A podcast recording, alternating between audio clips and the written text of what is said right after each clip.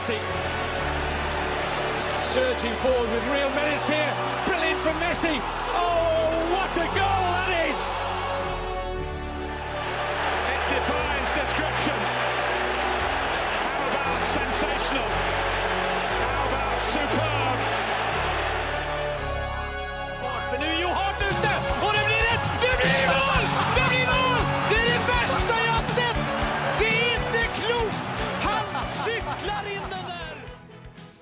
Ja da! Velkommen til episode 205 av den fantastiske fotballpodkasten 90 minutter. Med meg i studio har jeg som vanlig Mats Granvoll Godo.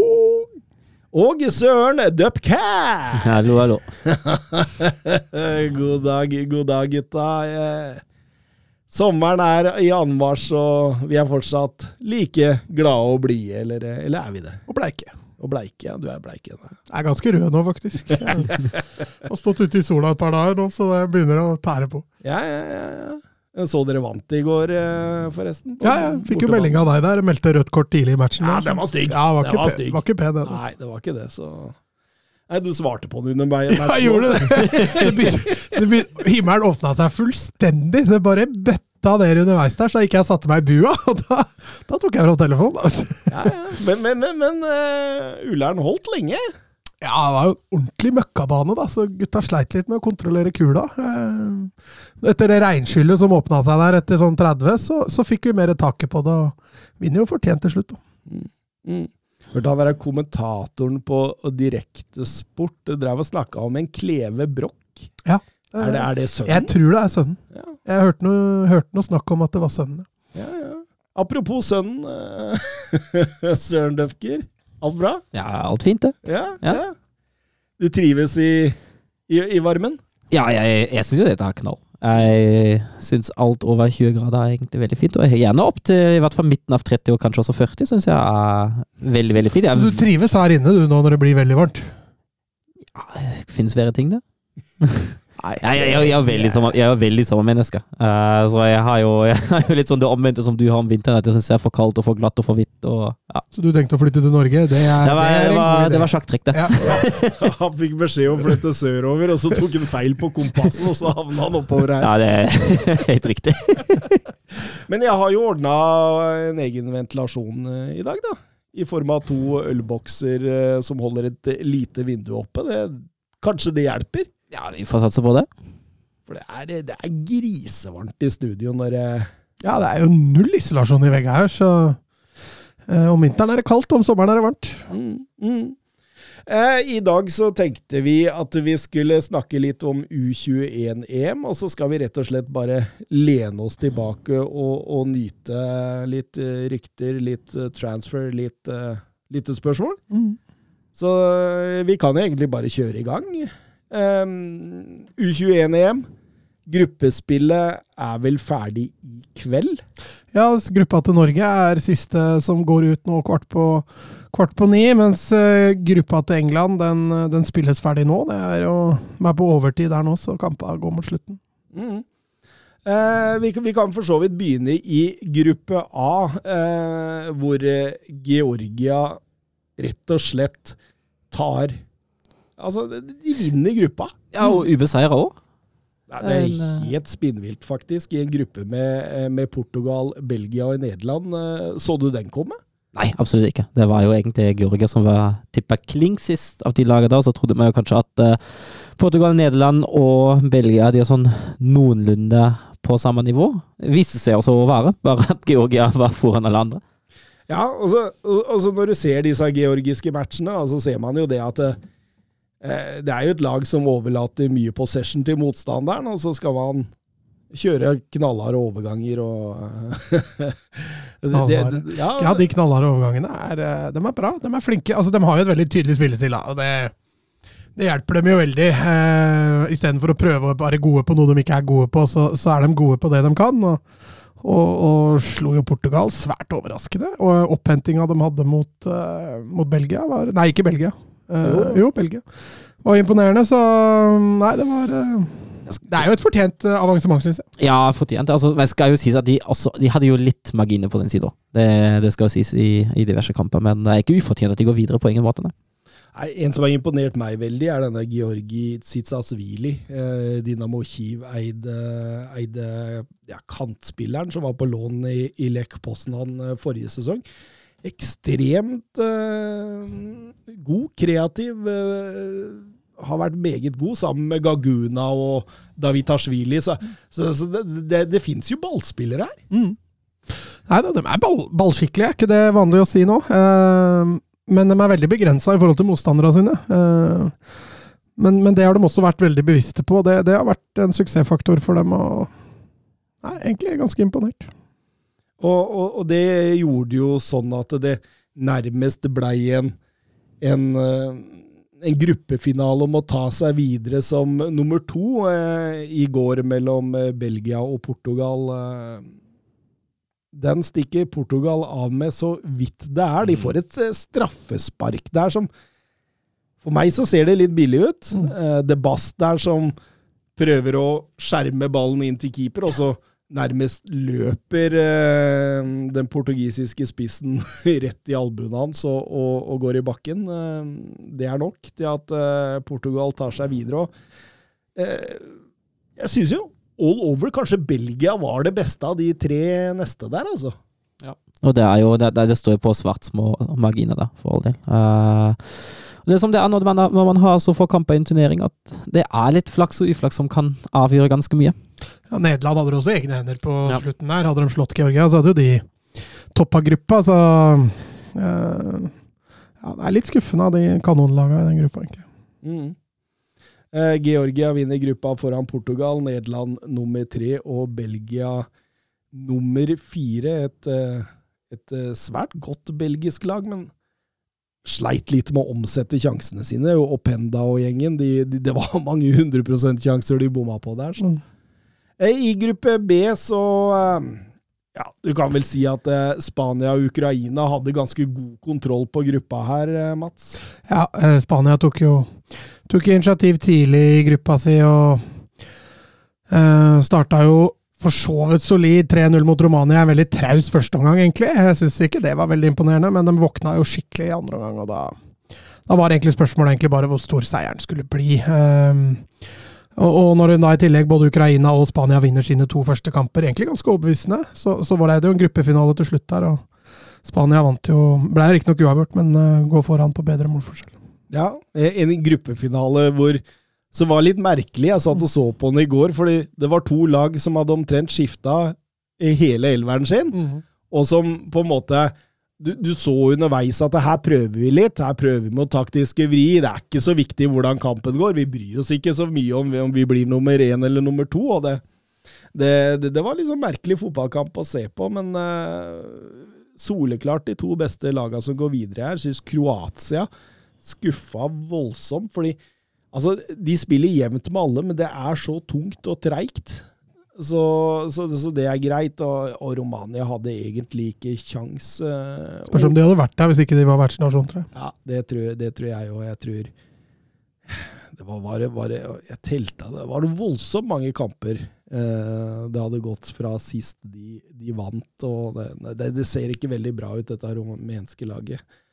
Um, vi fikk et spørsmål fra Ole Haaland.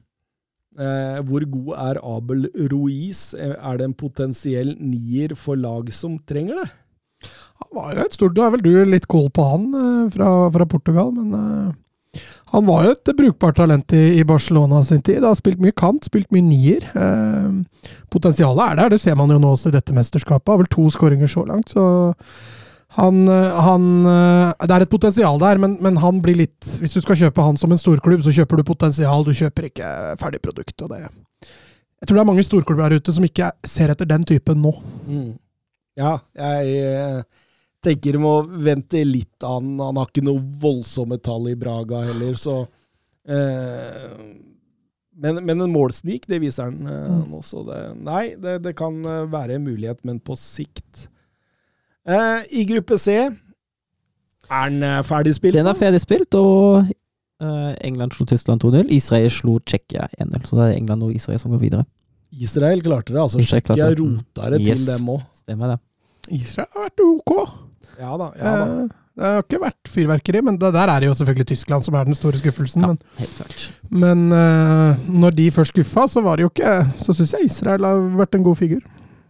Et solid engelsk lag Ja, tar eh, gruppeseieren, Mats. Det er vel, så vidt jeg veit, hvis ikke Frankrike vinner i kveld, da, så er vel det eneste laget som står med, står med full pott. Så England virker jo bunnsolide. Jeg var vel så smart og utropte de til favoritter før mesterskapet, og det, det syns jeg de virkelig har vist nå at, eh, at de fortsatt er, selv om de har havna i en forholdsvis enkel gruppe når Tyskland har vært så svake som de har vært. Eh, Så de har kanskje ikke fått noe pekepinn ennå, men England syns jeg virker fortsatt bunnsolide, og i løpet av gruppespillet har de vel gjort seg til eh, favoritter, tror jeg. Ja, helt klart. Eh, egentlig solid fra keeper og helt uh, frem der. Altså, ekstremt bredde i troppen. Man ser jo også det når man bytter åtte spillere for å hvile i siste kampen mot Tyskland her, og så har man null problemer med å slå et tysk lag. Et tysk lag som egentlig fikk litt dårlig betalt i de to første kampene. Ja, det skal sies. Uh, mot Israel, klart best. Uh, to straffebom. Uh, fryktelig det som skjedde i etterkant. Det var jo Josef Mokoko og Jessica Gankam som bomma på hver sitt straffespark der, og begge to fikk massivt med rasistisk hets i sosiale medier. Uh, forbundet har nå oppfatta at det er et kjempeproblem, og har gått, nå gått ut og sagt vi anmelder. Uh, dette her kan ikke fortsette, og det, det er jo helt enig. Altså, det er det har vært et tiltak, altså det har vært et økende problem nå, føler jeg, internasjonalt òg. Vi har snakka litt om det som har foregått i Spania òg. Og det er, jeg, jeg, blir, jeg blir kvalm, jeg blir lei meg, jeg blir sint. Altså Mokoko sa det vel ganske tydelig at ja, når vi vinner, så er jeg tysk, men når, jeg, når vi taper, så er jeg ikke en del av fellesskapet. Eh, og, og sånn kan man ikke ha det. Uh, kampen mot Israel endte jo 1-1, eh, og så var det litt sånn at Tsjekkia den kampen måtte jo egentlig allerede vinnes. eh.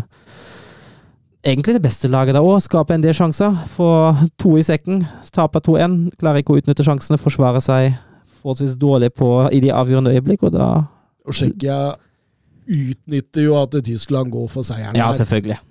Uh, ingen tvil om det. Nå stopper uh, Vitik der, blir matchvinner rett før slutt i noen eh, kan kalle det gjerne andrebølgen etter en, eh, en dødball. Mm. Uh, men det er jo rota bort av, av Tyskland, dette her. Det, er- det er det det er. Uh, det er jo en gruppe der man uh, hadde egentlig alle muligheter til å ta seg blant de beste to lagene, og så har man egentlig kampbilder som tilsier at man også bør være der. Ja, man blir rundspilt av England i dag, men det er selvforskyldt og rota bort, og en svak, svak turnering for Tysklands del. Blitt en sånn trend for tyske lag i Ja, det var, det var, en som eh, så en sånn tysk, eh, tysk humorside på fotballsiden. De, eh, de spøkte litt med at ja, nå har vi endelig fri fra A-laget, kan vi se U21? Og så er det sånn samme som dukker opp der. For så for å se hvordan det går med, med damene på VM om en måneds tid. Er det, er Tyskland er med i U19. Jeg tror det, ja. Jeg tror Det det. begynner vel nå hvert øyeblikk. Ja, jeg tror det. Eh, gruppe D. Eh, Norges eh, gruppe. Frankrike allerede videre. Ja, de står jo med full pott så langt, da. Har igjen Sveits i dag. og Norge er sjanser, selv om vi står med null poeng etter to. Er vi jo ikke helt ute her, Nei, men det er ganske vilt. vi, Hvis Frankrike slår Sveits, og vi vinner med to mot Italia eh, Ja, jeg også, men, men der også Der går det vel på skårte mål, for du kan, Norge kan vinne med én. mm. Eh, Men vi må skåre da tre, tror jeg, og så må Italia da skåre to. Ja, okay. Da kan vi gå videre med det. Ja. For da går vi videre på flere skårte mål. Så vi vinner 3-2 eller 2-0, så er vi videre. Ja, for da går du på im... Ja, nei, nei, jeg må, nei, jeg må Jeg skal ikke si, for jeg ser, jeg ser Norge er, har jo den dårligste målforskjellen. Eh, og vi får jo da like mye poeng som Italia, går forbi Sveits på målforskjell, men er fortsatt bak Italia på målforskjell. Men da er vi foran Italia på innbyrdes, så, så dette blir veldig matematisk. Men som du sier, da, vinner vi med to, Frankrike slår Sveits, så er vi faktisk videre. Mm. Og bare, et- bare å vinne over Italia med to, det, det må vi jo.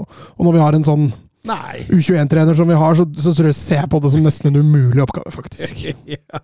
Og det er ikke sikkert Frankrike slår Sveits selv, for de, eh, de tror jeg har det veldig behagelig nå. Altså, vi så jo inngangen til kampen mot Norge òg at det var, det var et lag som på en måte Spilt litt på Ja, men, men samtidig, da. altså Greit nok at eh, Frankrike ikke behøver å vinne, men, men å tape den kampen her kan jo bli skummelt. Da for da, da havner de bak Sveits på innbyrdes. Blir nummer to i gruppa. Eh, nå er jeg ikke usikker på åssen trekningene blir der, men, men møter de ikke England da? Mm, øh, ja, det, det, da må vi se på dette treet. Ja, jeg har det faktisk foran meg. Skal vi se. Um, Du har treet. nei. England møter Portugal. Ja. Spania øh, Jo, det blir jo ratt Spania, da. Mm. Spania eller Georgia, faktisk, hvis den blir nummer to. Da. Uh, så Ja, nei, de, vi får dem Spania, da, så er det en maksimal kjip kvartfinale for Frankrike å ha. Uh, så, så jeg vil jo påstå at de, de har alt å kjempe for, i hvert fall at det blir uavgjort mot Sveits. Selv om uavgjort hjelper Norge svært lite. Ikke sant, ikke sant. Uh, Men når du ser på stallene til Frankrike og Italia her, så Norge skal jo ikke gå videre. Nei, Norge skal ikke gå videre, men det, det henger likevel en Men jeg syns vi har ødelagt det for oss sjøl! Ja, det syns jeg òg. Det, er Det det, det, det, det, henger, henger noe at det var, det var mulig med mer. Altså, den kampen mot Sveits skal vi jo vinne. Uh, den kampen med Frankrike, med tanke på hvordan kampbildet var, særlig i første omgang, med tanke på hvilket lag Frankrike egentlig møtte opp med, uh, syns jeg man uh, også hadde hatt mulighet til å ha en litt mer offensiv inngang i den, uh, og jakte den seieren som man trengte. Ja, du, er, du er jo opptatt av in game management, da. Ja, ikke sant? Eh, Hvordan syns du Smerud klarte klart seg der? da? Nei, det syns jeg er helt fryktelig, det. Eller, rett og slett. Og det, jeg er helt enig. i. Byttene kommer for seint. Eh, Det gjøres for lite grep. Altså Når du ser Norge har spilt forholdsvis jevnt med Frankrike i 45, og andre omgang starter, og så blir vi jo nesten rundspilt. Mm. Og så virker det helt, helt eh, beslutningsvegring på benken der. Går nesten 70 minutter spiller vi før vi begynner å gjøre grep, og da ligger vi allerede under 1-0. Uh, og, og det var flere på banen der som fint kunne fått seg pause. Det er klart fotball, da. Alle har forskjellige meninger, og sånn, og det er veldig bra, det, men uh, jeg syns det var noen åpenbare glipper der som uh, burde vært plukka. Ja.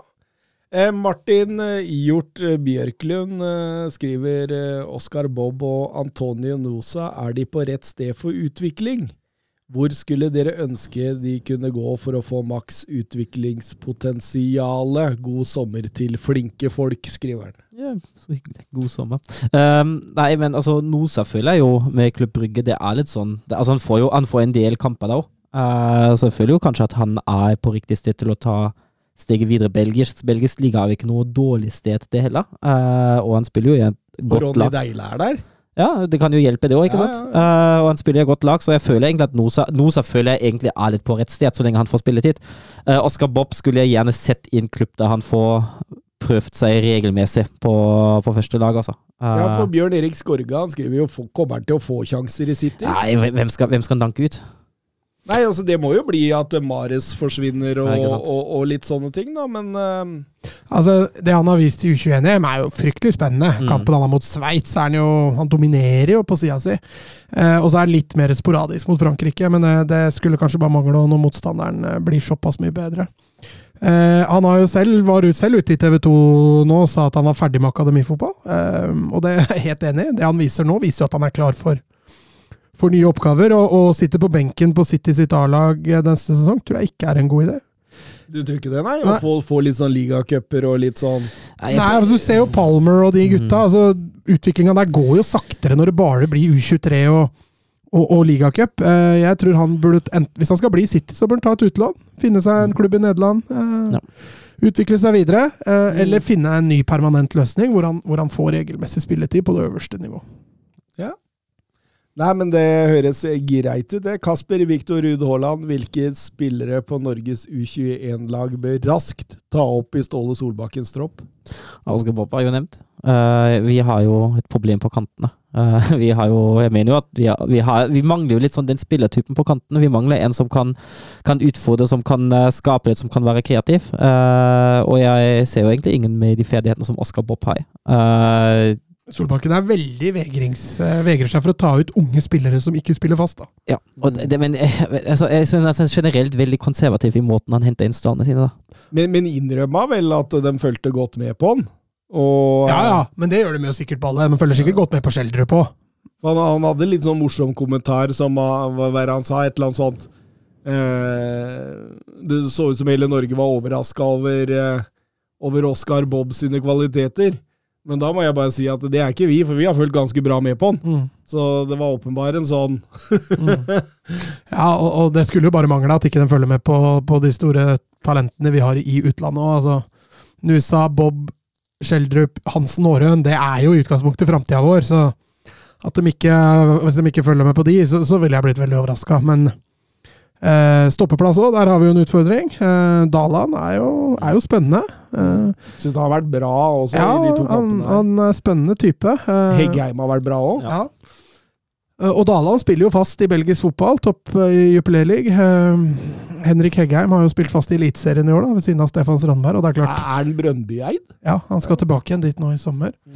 Og det er klart, han har spilt ved siden av Strandberg, og det tenker jeg Solbakken setter veldig pris på. Få lære litt av Stefan Strandberg. Mm. Så, Får man ikke dra ned igjen. så det er vel bare pluss. Eh, ellers så syns jeg Kitolano var frisk i den dype mot, eh, mot Frankrike. Jeg syns han minna litt om Kanté. Mm. Dekker store areal, eller dekker store rom.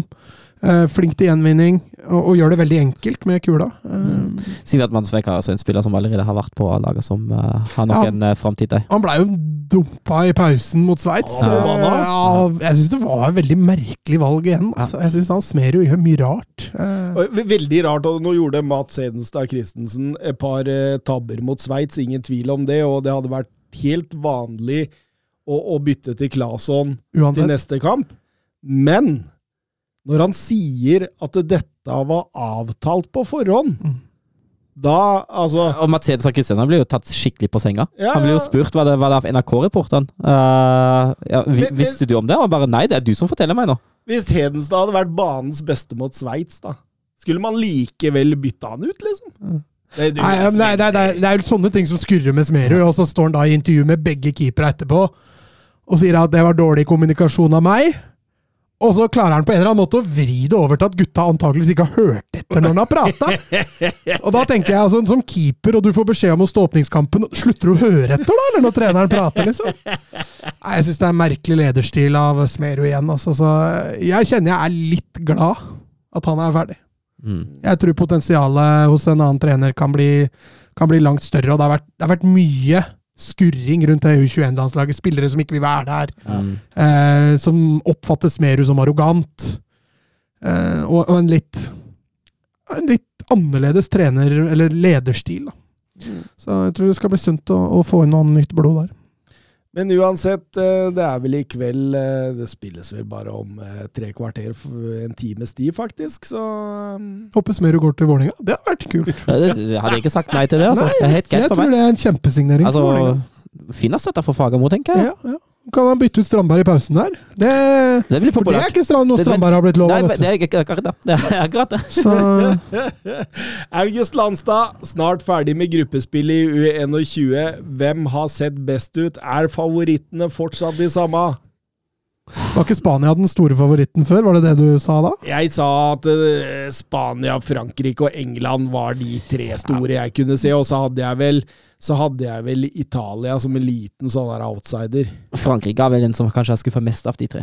Uh, har jo ikke sett så voldsomt bra ut, selv om Nei, de, jeg tror dette det, det bygger seg opp, tenker du? Ja, Ja, ja, altså, de, har jo, de står jo med full pott, uh, for all del. Uh, bare, jeg syns ikke spillemessig har vært helt uh, Altså, England og Spania syns jeg har sett bedre ut. Ja, og Skal vi kun se prestasjon, da, så, så har England sett, Ja, England klart. sett det best ut, egentlig. Så, så jeg holder fortsatt de som en favoritt, og Spania som, som kanskje er den fremste outsideren.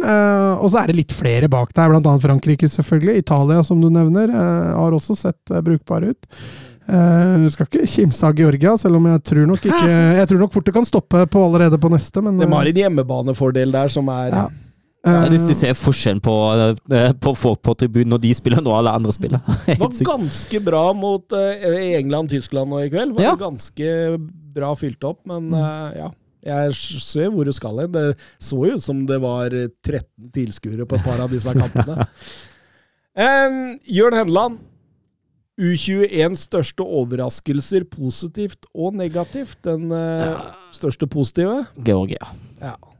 Ja, den er vel en, egentlig en liten no-brainer. Uh, og litt sånn som du sa før vi gikk på her, Ukraina bør kanskje nevnes, i og med at Kroatia var så dårlig. Så var det allikevel ingen overraskelse at Ukraina skulle klare det. Eh, men nå er de jo der, og Ja, Var det skuffelse hos Ståsane? Eh, ja, uh, men, men eh, Georgia er, det er utvilsomt et fotballand hvor pilene peker fremover, tenker jeg. Uh, rett fremover og oppover i Fordi det, det, det er, bor mye balltalent i den der Du ser det er en gjeng med sånne kvariaskelaer. Spe, spesielt Davitashvili og han eh, Sitjashvili, vel. De to kantene der. Ser veldig, veldig morsomme ut, så det, det er spennende. Eh, negative overraskelsen, eh, da, det blir vel landsmennene til vår kjære kompis på hjørnet her, det. Ja, det blir det. Jeg mener at det er Tyskland, definitivt. Ja, når du tenker prestasjon, så har jo ikke Belgia nødvendigvis gjort seg bort, da, men de havner jo sist i dødens gruppe der, og var jo egentlig forventa å, å, gå videre, så de også har jo skuffa litt. Og så nevnte vi jo Kroatia, så ja, Kroatia har vært tungt og grått, altså. Uh, Så de bør kanskje nevnes. Jeg, jeg mener jo at hvis Norge går ut her med null poeng, så bør det også nevnes. altså. Uh, Skuffende at vi ikke greier å sope med oss ett et poeng i de kampene der. Jakob Hoff, de fem beste spillere så langt i U21-EM for dere. Eh, Det har vært mange gode. Eh, kan nesten nevne hele England, altså. Ja da. Emil Smith-Rowe. Emil Smith-Roe var den jeg hadde tenkt å dra fram der. Han, har, han både skårer og assisterer og, og er, eh, er et strøken. Eh, I Spania så har jo Abel Ruiz prata litt om han. han. Han har vært bra. Alex Buena har vært, eh, vært bra. Nevnte Oscar Bob for Norge. Mickey van de Ven i det nederlandske forsvaret òg. Ja, helt klart. Eh, Du har, eh, du har sveitseren eh, Castrio Timeri òg, fra Young Boys. Mm. Han har vært eh, meget, meget god. Jeg snakka om disse georgiske spillerne. Du har Tonali og Ja. Scalvini, som har gjort jobben bra i Italia. Du har han han ble jeg veldig imponert over. Han um, bekken til Belgia, han Maxim de Køyper, uh, som spiller i Klubb Brygge, er det vel? Meget bra. Jeg syns eh, Dan Ndoye i Sveits var Ja. bra mot Norge der. Fabian Rieder og i Sveits har vært Mm. bra. Mm. Uh, Gibbs White og i England, han også. Der får han virkelig men England har liksom Alle har fungert. ja, Jacob Ramsey, Noni Madueke uh, Stopper av Colville og Herwood Bellis der. Det, det, det har stort sett vært strålende over hele linja. Det ser så solid og godt ut. så Pedro Neto jeg nevner, syns jeg var også var meget uh, bra i, i Portugal-laget. Ekstremt Han passer jo den eh, fotballen hvor man skal kjøre overganger. Altså. Men det er mange gode. De fem beste, det Her fikk du 15. Eh, vi kan gå litt videre. Skal vi kose oss litt med, med transfers, gutta? Kjør. Eh, Eivind Stølen har først et spørsmål. Jeg har push-varsel på to Twitter-kontoer. 90 minutter og Fabrizio Romano. Har aldri tvilt på 90 minutter sin troverdighet, men har sett flere diskusjoner og beskyldninger om Fabrizio, blant annet at han tar andres nyheter uten å kreditere folk, osv. Er han fortsatt mannen å se, frem, eh, se, se, se til? Jeg mener jo han er det, i forhold til I forhold til troverdige rykter, da. Eh, hvis det går an å kalle noe et rykte for troverdig. Eh, men det er jo ikke bra at han stjeler andre. Nei, det, det er ikke det. Eh, Det har vi jo sett i Norge òg. ja, og det Det, det, det, blir, det blir en sånn stil nå de siste årene, når alt bare må, må Ja, ut vi gjøre å være kjappere og kjappere. og Om å kjappere. gjøre å ja, være ja, først. Ja, og det, det, Og- det er irriterende, og det er jo veldig, veldig dårlig etikk, da. Og det, det Jeg har fått med meg det, og at han har blitt eh, beskyldt for en del sånne ting. og Veldig trist, hvis det er sant, selvfølgelig. Men jeg føler jo at han treffer på veldig mye, da. Mm. Ja, han, har, altså, han har nok gode kilder òg, for all del. Mm. Tror han eh, sitter på et godt nettverk, ingen tvil om det. Men, men eh, sett gjerne push-varsel på David Ornstein også. Christian Falk og, og Jonathan Wilson. Det er alle, alle gode, gode journalister med mye, mye Arila, altså. Det var vel han jeg Det var vel han, du mente! det var han jeg sikta på. Å ja, var det han du si... Ok, sorry. Nisselue på. Han har, han har en personlig vendetta der? Jeg veit ikke. Jeg får, er det noen han får betalt av? Men eh, jeg føler vel også at eh, Gianluca Di Marzio At det går an. Altså, du skal ta han med et lite Ja, du, må, du, salt. du må sile litt. En kilde, altså, det, han treffer ikke alltid godt, og, men han er blitt bedre. Jeg husker jo i min, uh, i mine yngre dager, da jeg fikk veldig mye rykter Da jeg tok Wolfsburg hadde en del med italienske klubber òg, så var det veldig mye feil, rett og slett, som kom fram. Mm. Men uh, han har blitt bedre. Ingen tvil om det. Eh, du blir arrestert nå hvis du kommer med for mye dritt. Merker det veldig fort. Ja, men Twitter-politi, det er jo det verste politiet som fins. Ja, altså, du skal bare ha et par bokstaver feil der før, eh, før man hogger til, altså. Ja. Og jeg tenker jo det å være politisk aktivert på Altså politisk agenda på Twitter, det må være det verste som fins. Ja, ja, ja, Se disse politikerne får jo så hatten Det, er- det, det er ille nok i fotballen. Ja. Altså, du, du, du kan si at Tottenham spiller med hvite drakter, og så kommer det garantert en som skriver under ikke noe, de er på bortebane. Mm. Ikke sant? Altså, det er, vi er der. Ja, det er bitte litt lille i dem. ja, det er litt sånn. Og, og, logo, og logoen på holdt jeg på å si, eh, reklama er rød. Ja. Eh, Det, det er helt vilt noen ganger, altså, men du, man kan jo bare sitte og, og le godt av det, tenker jeg. Em, første overgangen vi skal snakke om i dag, den er spikra, den er satt, den er bekrefta. Det er Kristoff. Ja, det er Baumgartner fra Hoffenheim til RB Leipzig for 24. Eh, hva tenker du? Stolt sum. Eh, men det er jo Hva sa du? Stålsum? Stolt sum. Å, Eh, men det er jo en Stolt sum, hva hva betyr det? Ja, mye penger. Okay. Ja.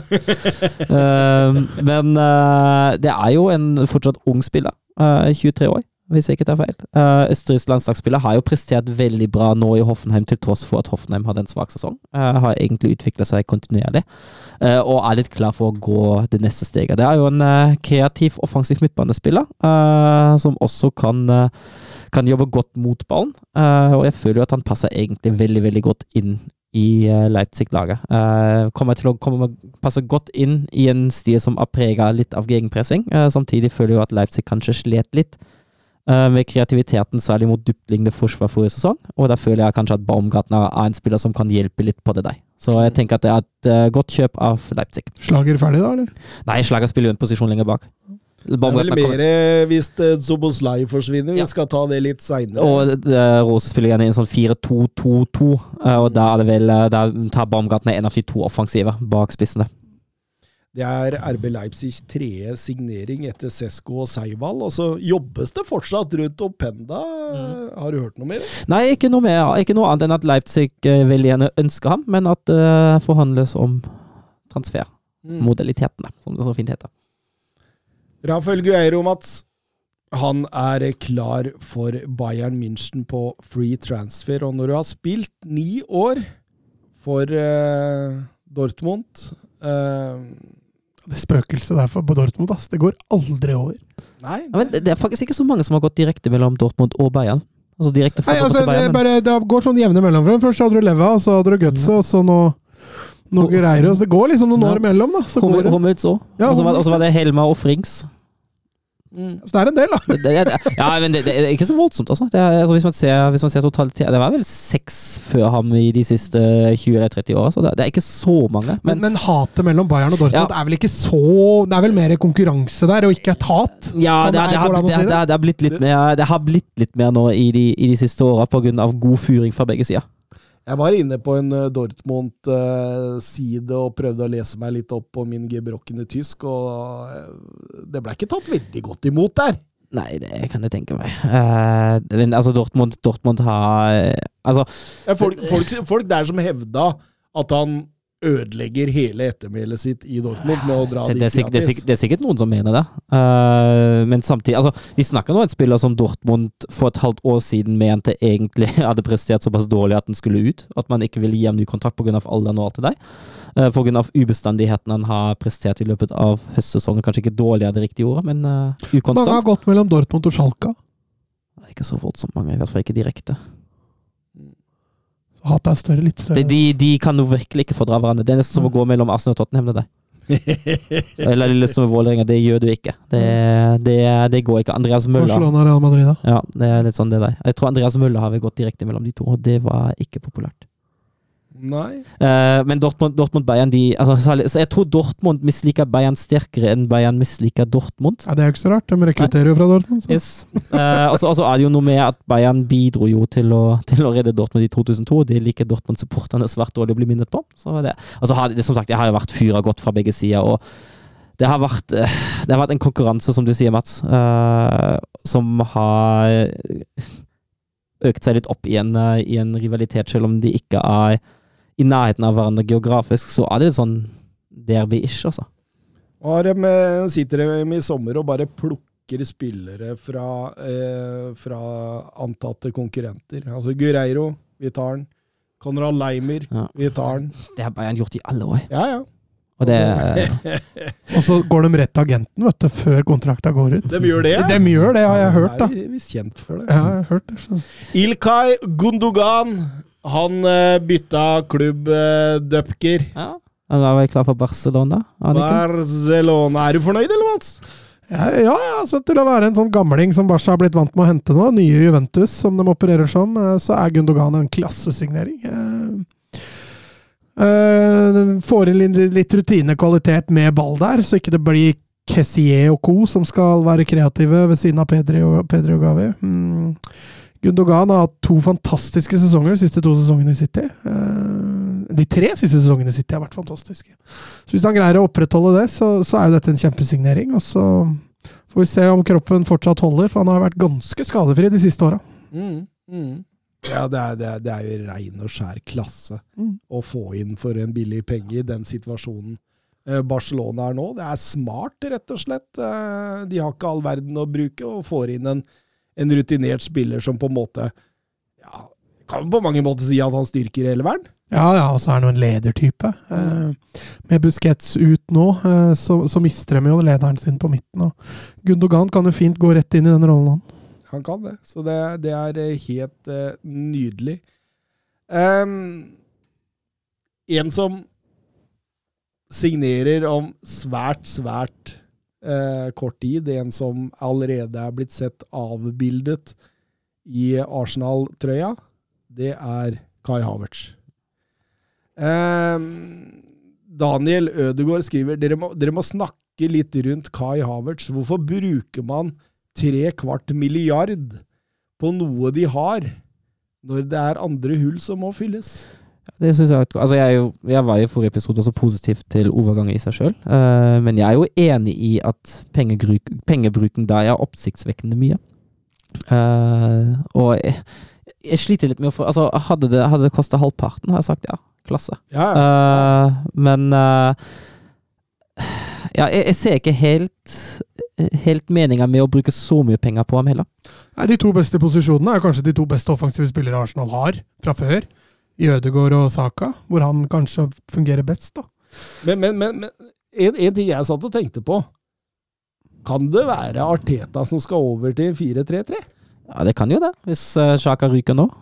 Ja, det er det, det, det jeg tenker litt på. Skal Ødegaard eller Havertz ned som indreløper, da? eller? Nei, jeg tenker at både Ødegaard og Havertz må være sin indreløper, da. Med eventuelt en Declan Rice, da, om de får tak i han inn sentralt der. Og så Mm. Saka Martinelli på hver sin kant. Og, fordi jeg, jeg, jeg skjønner ikke, hvis han ikke skal bytte til en 4-3-3 nå, så skjønner ikke jeg hva de skal med Havertz. Jeg var litt innpå i forrige episode at ok, det kan godt hende det er fordi de vil ha noen flere strenger å spille på.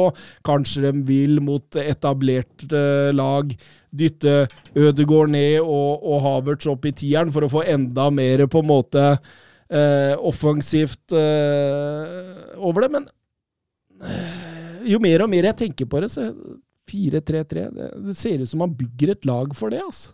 Nå er ikke Kai Havertz beste indreløperposisjon heller, da. Hvis du skal hente en indreløper som skal heve laget, så tror jeg ikke jeg hadde henta Kai Havertz. Nei. Nei, nei. Han er jo helt klart, altså I Leverkosten så var det jo i tierrollen han virkelig slo igjennom. der han er best. Ja. Og, og vi har sett han være god som høyrekant, altså sånn innoverkant, som, som liker å legge seg litt i mellomrommet. Eh, så har det også fungert. Men som spiss har han jo vært helt flat. Eh, og indreløper har vi vel nesten ikke sett han som, så selvfølgelig kan det jo være at det funker, men eh, Nei, kjøper den som en nier, da, da Nei, begynner jeg da, da. Sagt, en, en, I enkeltkamper kan det være en løsning, men uh, som fast Nei, ikke altså sjans. bruker du 750 millioner på en backup. Da blir jeg i hvert fall uh, ja, altså, det, det, det er liksom ingenting som passer, da. Nei. Og det er det som er så overraskende med denne overgangen her, at eh, det er, det er ingenting som passer en. Så det blir veldig spennende å se. Ødegaard skal tilbake til Real Madrid. Tilbake, tilbakekjøpsklausul der på Ja, for da hadde det rima! Ja, da hadde det! Men eh, nei, den der, der er jeg veldig spent på. Altså, det, det, er, det er nesten sånn at jeg allerede begynner å glede meg til sesongstart for å se åssen man har tenkt her. Mm. Fordi eh, det, det ser veldig, veldig Ja, hva kan du si? Merkelig ut. Det ser merkelig ut. Um, vi kan gå videre til en annen som er bekrefta. Guglemo eh, Vicario. Ja, Han er klar. og det er jo en kjempesignering for Tottenham. Ja, jeg hyller den av to grunner. Jeg hyller den eh, fordi jeg annonserte på Twitter at Tottenham burde gå for Vicario for halve prisen istedenfor Raja når Brentford ville ha 40, før ryktene virkelig starta opp. Det er som om de har vært inne på min eh, Twitter-side og, og sett på det, og så har jeg jaggu meg tatt prisen også. så så det, den er bare morsom. Men eh, andre grunn det er jo at eh, Tottenham er inne i en liten rebuild, og, og man behøver å handle smart nå for å, spare penger der man kan. og Raja versus Vicario, det er ikke store forskjellen. Det er kanskje smart å spare de 20 der. Eh, så jeg, jeg, jeg tror dette er en god signering for Tottenham. Kjipt for eh, Brentford, da, som sitter med to Ja. brukbare keepere. da. Ja, men Raja kommer. Kan jo se at det blir jo kanskje en ledig stilling i United som eh, Raja skal inn i. Der er Onana veldig nær, Ja, det, ja, ja. enkelte rykter. Ja. Mm. Så ja, men nå, nå koster ikke flekken all verdens heller, siden de kjøpte den på utkjøpsklausul. Uh, Nei, men å sitte med både Raja og nei, det, er jo, det er jo unødvendig. Jeg tror Flekken sitter med skjegget i, i Flek, flekken i postkassa der. Ja, Flekken har nok tenkt seg noe annet når han eh, signerte for Brentford. Og det var jo egentlig altså forventa at Raja skulle videre egentlig denne sesongen. her. Ja da, men det kan jo være andre takers etter hvert. Men, eh, men det kan godt hende må ned, litt ned i pris. For Mm. 40 for Raja, det er han ikke verd. Ja. Eh, enkelt og greit med ett år igjen av kontrakta. Justin Cloyfert er klar for eh, Bournemouth. Jeg kan rett og slett bare si til alle nå at det der kommer ikke til å funke. Nei, han, han har jo glimta til i noen enkeltkamper, både i, når han var i Valencia og før det, men, men sånn han, han må jo være definisjonen på en ustabil spiller. Og I Premier League tror jeg bare det fort kan komme enda mer til syne, da. På den annen side, Brentford Nei, eh, Bournemouth. Bournemouth har jo De har ikke så store forventninger. Så det vil da si at eh, det kan jo egentlig bare gå en vei, på en måte. Og det kan jo være positivt, det for Cloyford, men eh, nei, jeg har ikke helt store trua på den der. Så har han vel ja, Blir han vel en slags direkte eh, konkurrent til Dango ut eh, høyre der, da? Mm. Ja, Cloyford kan jo funke på begge. Han har spilt mye nier òg, så han, han er jo ganske versatile. Da. Så nei, vi får se. Det er vel kanskje derfor han aldri helt har funka òg, for han er litt sånn udefinert. Mm. Og så er det litt sånn Hva er han god på? Ja, ok, han er ganske rask, ganske kvikk, God én mot én. ja, men det er veldig begrensa Ja, det er ikke en all verdens avslutter, og, og det virker jo innimellom som han er litt fotballdum. da, Når du skal starte, når du skal møte, når du skal drible, når du skal spille. Så gjør han ofte dårlige valg. Så han, han er litt uskolert. Ja, det er jeg enig i. Em, Søren, holdt jeg på å si, har fått en eh, overgang også til sitt uh, europahjørnelag. Uh, Toulouse sin Branco van de Boomen er klar på free transfer til Ajax, eh, Søren. Eh, Ja, etter en, eh, etter en veldig sterk sesong i, uh, i Liga. Og, Strålende sesong. Ja. og det, altså, nå, nå er jo Alvarez, for eksempel, eh, er jo rykta ut til, eh, til Dortmund. Eh, ser ut til at eh, Dortmund har peka ham ut som en som skal styrke stand. Mm. Så da kan han gå inn der. Yep. Det er jo faktisk, han er jo faktisk et Ajax-produkt. Mm.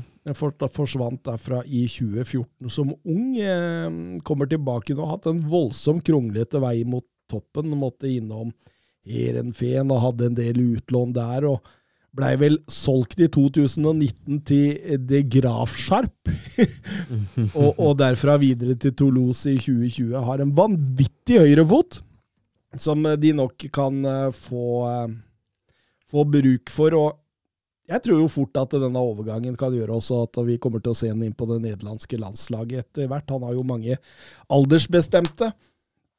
Det ble meldt i dag, Mats, at Jeffrey Kongdobia eh, skriver for, under for uh, Marseille. Mm.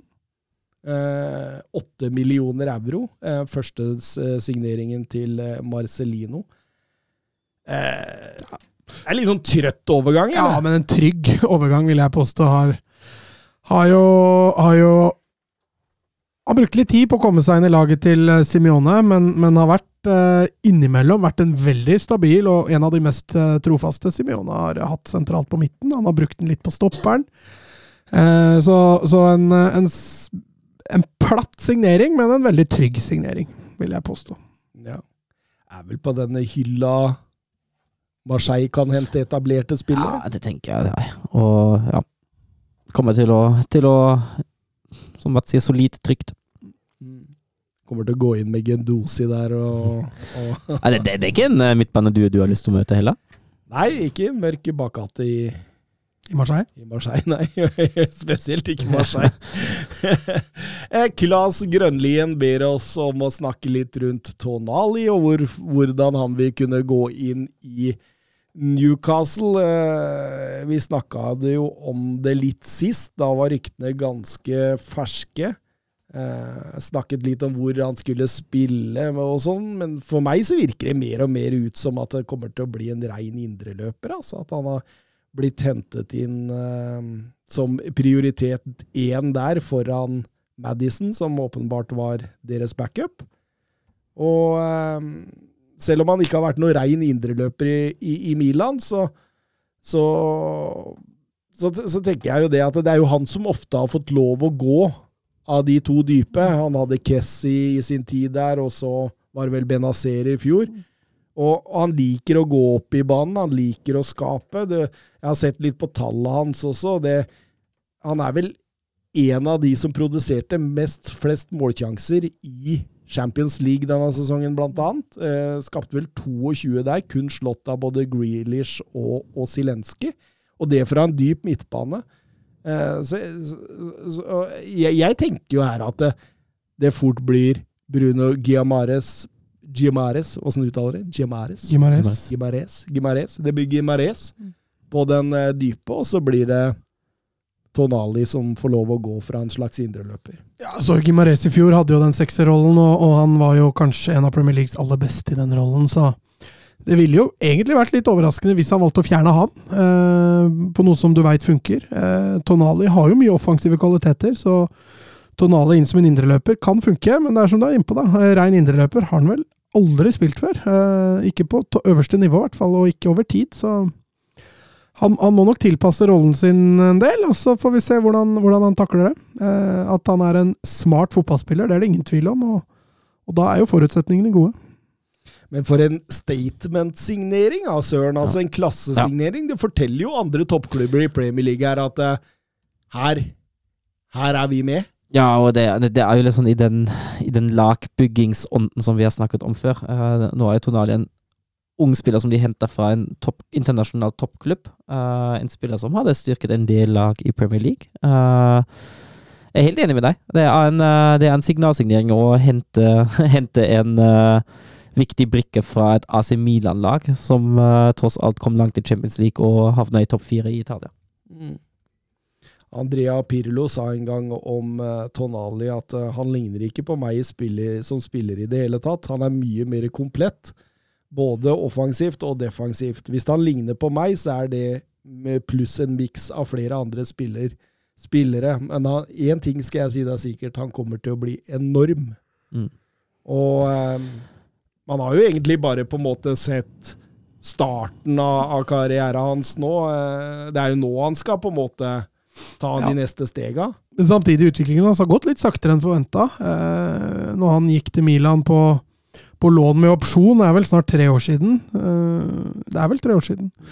Så hadde vi vel kanskje forventa at han skulle ta Serie A enda mer med storm enn det han har gjort, men, men det er som du er inne på, da. Han har liksom bare blitt litt bedre og litt bedre for hvert år. og eh, Takler han overgangen til Premier League nå, så, så eh, begynner han å nærme seg det vi, vi har spådd hele veien. Nicholas Jackson er eh, så å si, ikke helt don deal, men så å si klar for Chelsea for 35 millioner euro. Er dette nieren som skal Mats rister på hodet her. Nei, jeg har for all del hatt, uh, hatt en veldig god vårsesong. eh, og, og en ganske komplett spisstype, vil jeg si. Han er, han er ganske rask, han er fysisk robust, eh, gode basisferdigheter. Um, men har også levert på et lag som har, har skapt veldig mye, da. Eh, gode kantspillere uh, som har fora han. Uh, men for all del et godt, gode penger å få inn. Villarreal har jo fått inn en, en Ben Burton der, så han blir erstatta greit. Men jeg, men jeg tenker jo liksom Han fikk jo på en måte sitt gjennombrudd sist sesong ved at han skårte vel ti mål på de siste elleve mm. rundene og sånt. Og, men han har jo vært god et kvarter. Mm, ja. Eh, altså Dette her virker som altså Det er en kjemperisiko Mm. eh, Chelsea tar her. Og jeg, det, det- det er så stor risiko at jeg, jeg kan ikke forstå hvis dette er den eneste nieren de skal hente. Jeg kan ikke forstå det, rett og slett. Da tar de en altfor stor risiko i forhold til hva man opplevde forrige sesong. ja, jeg er helt enig. Og det, er, det, er sånn, det er sånn Chelsea som de har vært på i det siste. da. Ja, og Hvis du kjøper en backup for 35, så er du, da er du god råd. Altså. Ja. Ja, men det har de jo opp. Ja, det Ja, har det, det er helt klart. Jeg, jeg, vet- jeg veit ikke, kanskje er det for å, for å vet ikke, lette litt på presset med å absolutt måtte finne noen. Jeg, jeg, jeg veit ikke, jeg kan, men jeg er helt enig med deg at det er en, eh, det er en kjemperisiko. og At uh, det, som sagt, det føyer seg litt sånn inn i hvordan overgangen til Chelsea har vært. Altså at man, man har vel kanskje ikke handla så mye med, med hodet, da. Nei, det, det er liksom så mange grunner til at det gjør at jeg liksom Altså, litt på grunn av spillertypen. Altså, de har jo spillere som Nkunku, Modric, Madueke, Stirling. Altså, det er spillere som bare har nesa mot mål. At det er det som på en måte er eh, deres eh, største forse. Da. De gjennombruddssterke spillere som er glad i å stikke. Og, og det er jo også Nicholas Jackson.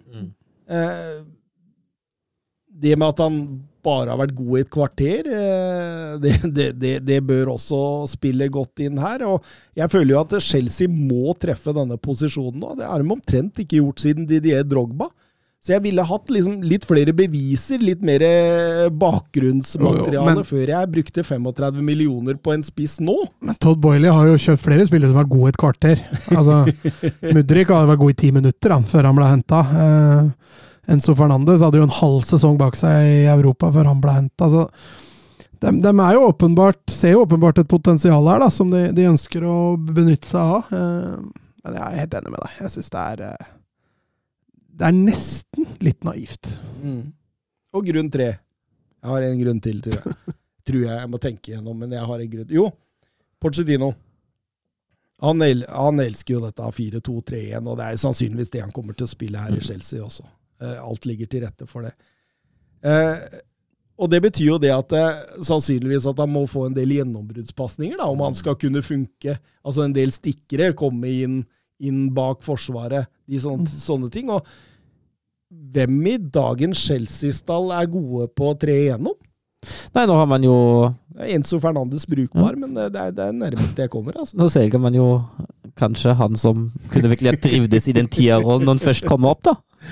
Ja, altså det er så mye sånn som skurrer. Og, og når jeg leste også stats på at Chelsea var det kun det niende beste laget til å, å, å få igjennom gjennombruddspasninger sist sesong i Premier League, så, så backer jo det tallet litt også, som gjør at jeg Nei, hele Nicholas Jackson for meg er veldig, veldig rar. Han, den, den hadde vært hvis, hvis, hvis de hadde tenkt ok, vi skal kjøpe to spisser, vi skal kjøpe én som vi kan liksom utvikle litt og ha litt som backup, og så kan komme litt inn, han kan spille litt kant, det kan han jo faktisk gjøre. Eh, men, men så skal vi kjøpe en, en Dusan Vlaovic, et eller annet sånt, så hadde jeg mer ok, ok, det er greit. Har dere råd til det? Har dere penger til det? Kan dere ta dere den, eh, den friheten, så, så, så kjøper jeg den. Men hvis dette er det eneste som kommer inn nå, da er det en gigantisk feil. Det er en ganske Ja, men nå, nå skal jeg si så vi er jo fortsatt tidlig i overgangsvinduet, da. Det Ja, er jo det er fortsatt mener, god tid til å. Ja, det er fortsatt god tid. Og, og Jackson kan slå gjennom. Ja. Han kan stå her på 20 mål når, om et år. Altså. I Men hvis, men hvis jeg skulle bare hatt inn én spiss, så ville jeg heller henta gratis Markus Turam. Mm. Det var det heller Inter Milan som gjorde, Mats. Ja, det er Eller det heter vel ikke Inter Milan lenger. Den fikk han eh, gratis, og da er det vel ingen tvil om at Lukaku ikke kommer den veien eh, nå, i hvert fall. Er jo litt annen spillertype enn Lukaku nå. Han er jo også en, eh, en heller bakromsjaktende spiss. En Men det er der også Lukaku er ganske god. ja, en, en, en mer spillende spiss òg. litt, mindre, litt mindre fysisk for all del. Uh, må slutte med de filmingene. Har fått mye kritikk i Tyskland det siste halvåret for å filme veldig veldig mye og falle veldig veldig lett. Uh, fint om han lar være nå. Men eh, ellers er det jo en spennende signering for, for Inter. Men eh, Kommer jo til ligaen hvor drama står høyt i kurs. Ja. Da, han, han glir vel kanskje rett inn nå. Døfgern. ja, det kan jo tenkes, det. Tror også han vil passe godt i tospann med Lautaro ja, det, Martinez. det tenker jeg òg. Altså, kan jo også brukes på kant, da. Mm. Uh, det er ikke bare Ja, spiss... Ja, men, men, men ikke som in- in- wingback. Nei, nei, nei, men uh, Inter spiller jo med en, med en i fembackslinje. Inter, Da, da tror jeg man skal Men skulle man, skulle man ønske å legge om, er det muligheter med Turam, da. Ja, det gjør nok ikke Simone Det, det er du nok helt rett i. um, James Madison er vel eh, Ja, han er here we go, i hvert fall. Han er eh, så å si klar for Tottenham for 40 millioner euro. ehm. Hvis den prisen er riktig, så er det jo klasse. Ja, en klassesignering av Tottenham, og kanskje altså, en av de brikkene som det Tottenham-laget virkelig, virkelig manglet. Uh, vi har vært litt inne på det før. Uh, vi har venta veldig lenge på den der tieren uh, i fjor sommer, som til slutt aldri kom. Eh, og litt sånn som kan bidra litt med den kreativiteten, som kan uh, nøste litt opp i dyptliggende forsvar. Uh, som kan fòre litt, som Ja. Og nå har man den kreative spilleren igjen, da, i James Madison. Og jeg tror det er en uh, ekstremt viktig signering for Tottenham, at han har klassen til å kunne bidra godt i et, uh, i et, god Tot- i et godt Tottenham-lag. Det er det ikke noe tvil om. eneste som holder litt imot den, er vel at han har vært litt skade, skadeutsatt forrige sesong, i hvert fall. Han sitter jo nesten annenhver kamp på, på, på, på sykestua, så hvis de får orden på det, så er det jo en kjempesignering. Eh, burde vel kanskje hatt én indreløper til, hvis de skal spille med to indreløpere. Men Ja, det får vi se på. Postekoglu nå som Det var en, eh, en spiller som var pekt ut av Postekoglu. Eh, utnevnte også var vel eh, tidlig Det var vel i går? Eh, gamle Palace-kaptein Mile Jedinak som sin assistenttrener, så det blir helaustralsk på eh, sidelinja der. Og så fikk vel også Ryan Mason beskjed om at han fortsatt fikk bli en uh, assistentrolle sammen ja, men det tror jeg er lurt, for når da han får sparken, så har de en. Behøver de ikke å hente noe utenifra når, når Men, men Postecoglou får først etter at. Jedinak har prøvd seg, da. Hæ? Det er først, først får Jedinak prøve seg. Nei, han går jo når hovedtreneren går. Eh, Tror du det? ja? Ja, ja. Så når vi sitter i mars nå neste år, så er det Mason som er hovedtrener i Tottenham. Poster Ja. kommer til å si fra ganske klart og tydelig til Tottenham-styret at Jedinak kan ta dette ut sesongen. Ja. Også, Ja, altså, vi, vi er i hvert fall enige om at han får sparken. Det, er- det er vi i hvert fall enige om her. Eh, Jonny Sveen, en skikkelig opptur for Tottenham med Madison. Han har jeg håpet på i mange år. Eh, med Tapsoba og Killman inn, så kan de bli farlige. Jeg gleder meg til Tapsoba, Thomas. Eh, Heldigvis for meg så ser det ut som det er en annen Bundesliga-stopper som eh, er mye nærmere enn Oppa, Tapsoba. Opamecano. Det hadde vært helt rått. ja, det er lett. Nei, jeg tenker først og fremst da på Mickey van de Ven fra ditt kjære Wolfsburg, Søren. Det virker ganske nært nå. Klubbene har begynt å prate Ja, og han ganske avansert. han har jo lyst til å gå neste steg òg. hadde selvfølgelig vært et sportslig tap for Wolfsburg, men Wolfsburg har jo en plan om å kjøpe ungt, utvikle og selge de dyrt igjen, og det er jo muligheten der med Mickey van de Ven. Uh, koster nok rundt 40 millioner euro, tipper jeg. Det er det Wolfsburg vil ha. Uh, han har jo en kontrakt i 2027 uten utkjøpsklausul, så man må nok belage seg på å bruke de pengene der. Men uh, man, får en, uh, man får en ung klassestopper, altså. Uh, den hurtigste stoppen i Bundesliga målt en toppfart uh, på 35,7 et eller annet uh, i år, som er jo ganske bra for en stopper. Tiende, tiende kjappeste i Bundesliga all over alle posisjoner, altså. Og det kan være en nøkkel i forhold til at de ønsker han, fordi eh, Postecoglus eh, skal jo gjerne ligge høyt oppe og, og, og gjerne gi fra seg en del bakrom. Ja, og så er det jo en stopper som ellers ikke har noen store svakheter. Han er, han er god på det meste. Han er god i frispillinga, han er god i duellspillet, han er god i lufta, han er god i posisjonering. Eh, det er selvfølgelig områder han kan utvikle. Han er jo fortsatt veldig ung eh, til å være en stopper, og med mer erfaring kommer han til å bli enda bedre. Men han er jo vært en av de beste stopperne i Bundesliga nå forrige sesong. Uh, samtidig tenker jeg at det er kanskje greit for Tottenham å få dette her fort gjort, for hvis Guardiol blir klar for Manchester City, uh, så blir Leipzig fort en konkurrent der. Uh, I tillegg til at Wolfsburg ser at Guardiol går for 100 millioner euro, kan man tenke at uh, Kanskje tenke litt over den prisen som man har satt i utgangspunktet. Så det Mm. kan være greit å, å få landa den, tenker jeg.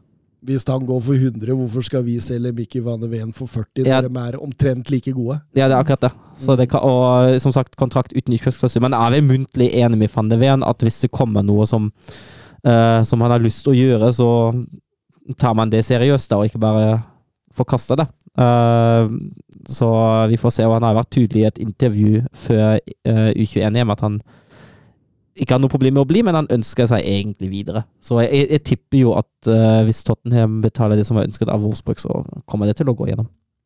Jeg tror det sitter mange Jeg snakka med Søren om det rett før du kom inn i studio, her, Mats. At jeg tror det sitter mange Premier League-lag rundt omkring og tenker hvorfor ga vi ikke Newcastle eh, større konkurranse rundt Båtmann?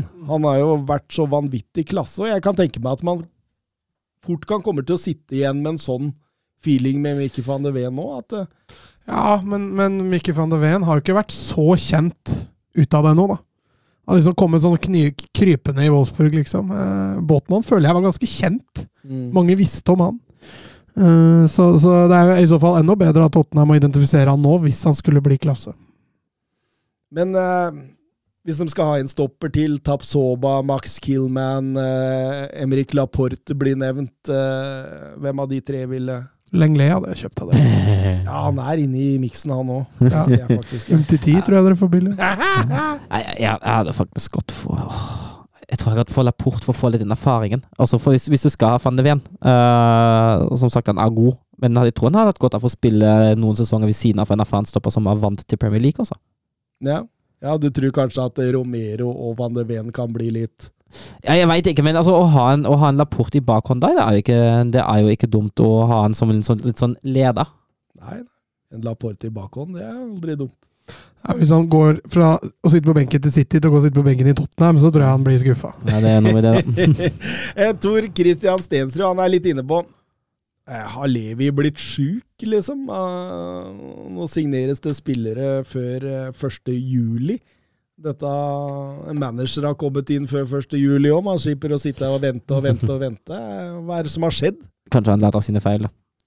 Eh, og jeg tipper Altså, jeg, jeg, jeg tenker jo altså for ham er ikke det gøy uh, å høre på kamp at han sjøl skal gå. Uh, så det kan jo hende at han har gått gjennom en, eh, en prosess der han har evaluert seg sjøl litt, og vært litt sjølkritisk, og tenkt at ok, dette her kunne jeg faktisk gjort bedre. Uh, og tidligere planlegging er jo absolutt et område der han uh, fint kunne ha forbedret seg. Det var fint å se at han, uh, han tar tak i det, da. Ja, og så tror jeg også ansettelsen av Scott Munn har hatt litt å si. Her har kommet inn en kar med en klar strategi på hvor han vil og, og hvem han vil ha. Men det store, store tingen med Tottenham nå, da, vi kommer jo ikke utenom, det er eh, Harry Kanes link til Bayern München. Eh, det sies fra, fra troverdig hold i Tyskland at han skal være enig med Bayern München om eh, det personlige. Christian, Christian Falk, eh, en eh, sportsbildjournalist som har vist seg å ha veldig gode kilder innad i klubben. Mm. Eh, David Orstein i The Athletic også var ute og sa at eh, de har mottatt et bud på 70 millioner som, som egentlig ble avslått før det kom inn på, på kontoret, omtrent. Eh, og, og at Tottenham er ganske klare på at de ikke skal selge her. Eh, Ethvert bud vil bli avslått. Eh, jeg jeg, jeg syns Kane virker nærmere en exit nå enn noen gang. Veit ikke hva tenker dere? Ja, jeg er enig. Uh, det er liksom flere faktorer som spiller inn der. Uh, det ene er jo kontraktslengden. Det andre er at det er en europeisk storklubb som nå virkelig mener alvor. Uh, og tyske medier tar utgangspunkt i at Bayern kan fint betale 100 millioner euro. Det går helt fint for dem. Og på et eller annet tidspunkt blir det et kostnad-nytte-spørsmål for Levi og for Tottenham. Eh, hvis Kane og Bayern har blitt enige, så har de jo snakka, og da er jo Kane i hvert fall ikke imot å gå fra Tottenham til Bayern. Eh, spørs hvor mye han legger i det å kunne presse det gjennom sjøl. Uh, Veit man ikke, men han har i hvert fall ikke noe imot det hvis man har blitt enig. Eh, Og så er det jo det å Selge ham nå, eller la han gå gratis om et år? Uh, selge ham Potensielt i Manchester Yes, ikke? Selge ham nå ut av ligaen. Miste ham til en direkte konkurrent om et år. Uh, ja, det er jo, det er et dilemma der. Uh, og så er jo, det, det vet jo kanskje Tottenham best, hvor stor er sjansen til at den blir lenger enn et år nå. Bayern har jo allerede har gjort det letteste først. da. De har jo blitt enige med Kane. Ble enig med Levi. Det er jo tre ganger vanskeligere, tror jeg. Så, så det er fortsatt et stykke igjen, men jeg skjønner bekymringa di, Thomas. Får litt en feeling av at nå er det slutt. Jeg fikk den feelinga når jeg så det sjøl. Og skjønner at man som Tottenham-supporter er litt nervøs. Eh, livet etter Kane, det Der tror jeg det er mye spørsmålstegn. Eh, mye hvordan skal man løse den? Kane har jo hatt rollen til tre forskjellige spillere samtidig, og det, det er ikke bare bare å erstatte det, så jeg tror nok han blir ikke billig for Bayern, selv med ett år igjen. Og, men, men, Bayern får jo en spiller som kan prestere på et høyt nivå i mange år. Altså, jeg, og da sto kanskje ikke den toppskårertittelen til Scherer eh, så høyt allikevel, med tanke på å vinne noe? Nei, kanskje ikke. Kanskje ikke. Kanskje det er det å, å vinne noe som har betydning. Jeg veit mm. ikke. Jeg har sett det er flere på, rundt omkring på Twitter nå som har spurt seg liksom ah, Et Bundesliga-gull som de stort sett har vunnet hver gang. Hvor mye betyr det egentlig? Det betyr ja. nok mye mer enn Audi Cup, i hvert fall. Ja, og så er det jo nå at altså, Man ser jo nå med tanke på de signeringene som kommer som jaktes. Uh, Guerrero er en uh, solid signering. Uh, Kim fra Napoli. klassesignering om de får ham. Kane. Eh, nå har Thomas Tuchel og, og gamle gutta Olje Hønes og Karl Ensrommet virkelig satt seg sammen og sagt at nå, nå bygger vi et slagkraftig lag her. Mm. Eh, og det er, det er, en tydelig plan som følges der. Det hentes faktisk eh, klasse uh, fra Bundesliga-klasse, men det hentes også internasjonal klasse. og målet er jo helt åpenbart å være konkurransedyktig i kampen om et Champions League-gull igjen. Men, men det, det, jeg sitter og tenker på, da, jeg prøver å forstå mekanismene rundt et salg, salg her i sin helhet. Hva, hva, vil det si for Tottenhams ambisjonsnivå? Hva vil det si for Poster-Coglu-prosjektet? Var det noe de tok med i beregningen? Hvilke type spillere kan de hente til klubben nå uten Europa med et salg av Harry Kane? Det er litt sånn eh, Hvem skal erstatte han? Vil f.eks. en Rasmus Høylund gjøre savnet mindre? Hvem skal ta over den nierrollen? Blir det Rikarlisson f.eks., som har vært ute nå og sagt at uh, Skriver et langt brev til alle supportere om at uh, sesongen i fjor var dritt. Uh, ingen tvil om det. Neste sesong er revansj. Eh, blir det han? Eh, blir det denne Kygo som banka inn 23 kasser for Celtic i, i, i ligaen og var vel 34 totalt? Var jo helt ellevill der han løp rundt på banen. Altså Og du var litt inne på det, Mats. Det er mange spørsmål. Mm. Ja, og det som kan slå positivt ut da, for en ny trener, en ny æra, et nytt prosjekt, er jo dette Harry Kane-spøkelset som egentlig har hengt over Tottenham i, i mange år. Eh, når drar han?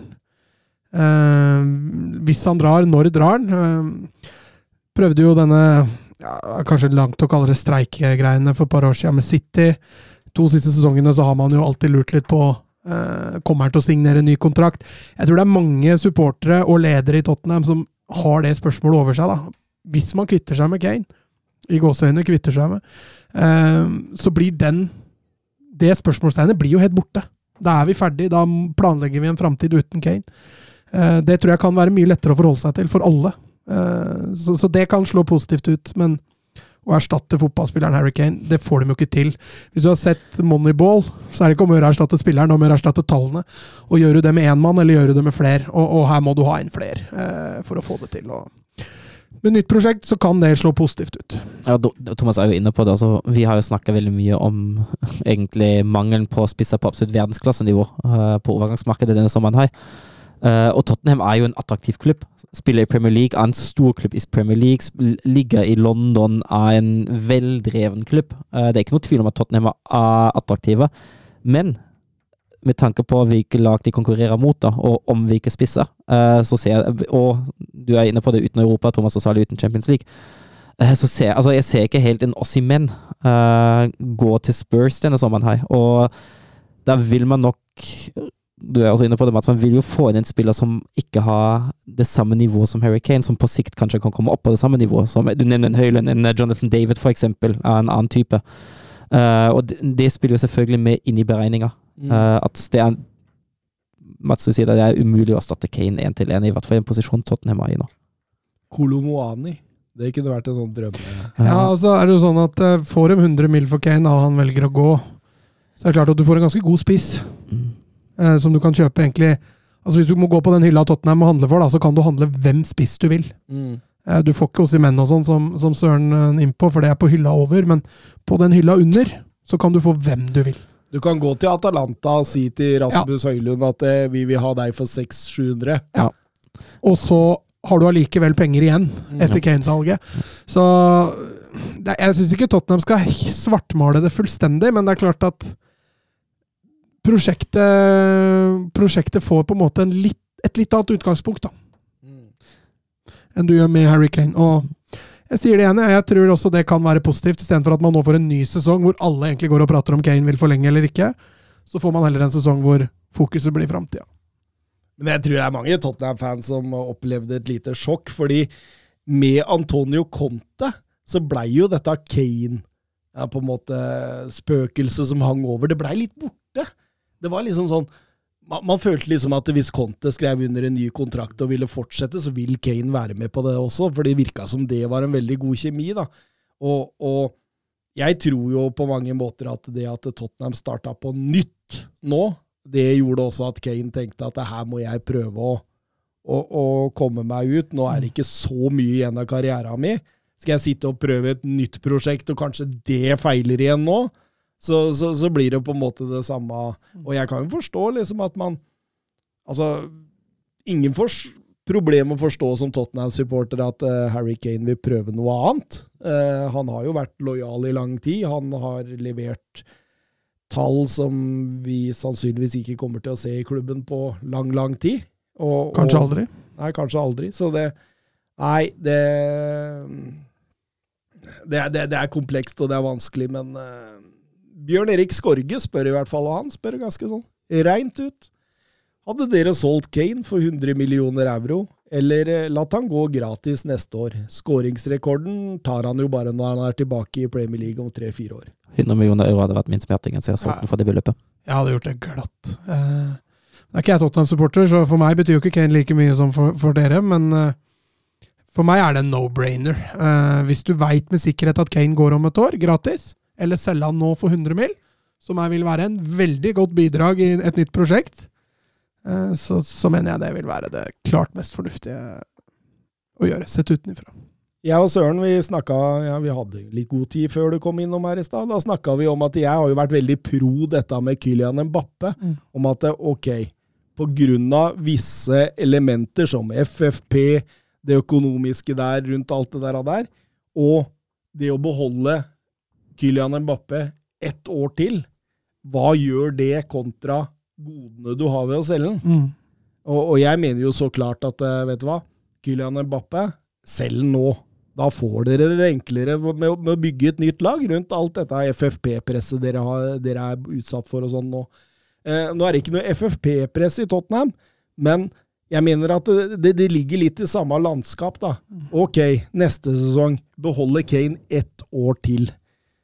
Eh, hvor avgjørende blir det for prosjektpostet Koglu, hvis man bare skal ha han ett år til? Sannsynligvis ikke så veldig mye. Eh, så så, så man, man, man starter bare en prosess ett år før enn det man hadde behøvd. Ja, pluss at det året får du ekstremt mye mer penger. Mm. Det vil da si at prosjektet Postonoglu får litt mer å rutte Ikke bare litt, den får veldig mye mer å rutte med. Mm. De får kanskje inn den ene stopperen. Kanskje de kan gå opp en hylle på stoppeplass. Kjøpe en klassestopper. De får inn nesten den spissen de vil, som jeg var inne på i stad, på den hylla de kan hente. Og de får kanskje til og med henta en ny indreløper. Og da har du dekka, da.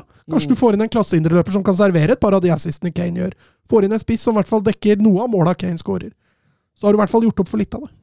Og Madison er vel kanskje første Ja, Madison er vel så å si klar. Om Kane drar eller ikke, så spiller jo ingen rolle, men Eh, vi, av erfaring da, så kjøper jo ikke Tottenham for flere hundre millioner. Det er ikke noe Chelsea vi snakker om her, så uh, de er jo litt begrensa. 100 millioner inn vil jo bety enormt. Mm. Mm. Vi går litt videre. Josko Guardiol. eh, Det spekuleres i 100 millioner nå, Søren. Ja, altså, det er jo- Stiv pris, eller stolt pris, som Stiv pris, stolt pris, ja. Det, det, det er det jo absolutt, men det er jo det er jo en virkelig profilert ung stopper i Europa. Uh, det som driver nok prisen litt opp sammenlignet med f.eks. van de Ven, er jo at han har profilert seg allerede på A-landslaget. Han har profilert seg i Champions League. Han er, han er vinkjent. Han har spilt et VM der han har vært veldig, veldig god. Ja, og så spiller han for et lag som skal spille i Champions League. Det, det hjelper, det òg. og altså det er, jo en, det er jo en klassestopper, uten tvil. Uh, og jeg, jeg har digga Guardiol nesten siden han signerte for Leipzig. Det er jo er virkelig en, eh, en spiller som jeg, som jeg syns er fantastisk å, å ha, eller å se bak i en, eh, i en forsvarslinje. Jeg bare ser for meg det nye 3-2-3-1-systemet til Pep Guardiola, ja, med, med Guardiol som den venstre stopperen der, med, med Diaz i midten og Akanji. Akanji eller, eh, eller Stones, da. Eh, åpenbart at, det, at, at Pep Guardiola ønsker dette, her, fordi i og med at de var så langt med på Declan Rice Mm. Hvorfor skal du være med på Declan Rice når du har Rodri? Det er jo fordi her vil man prøve å videreutvikle denne 3-2-3-1-formasjonen sin. Mm.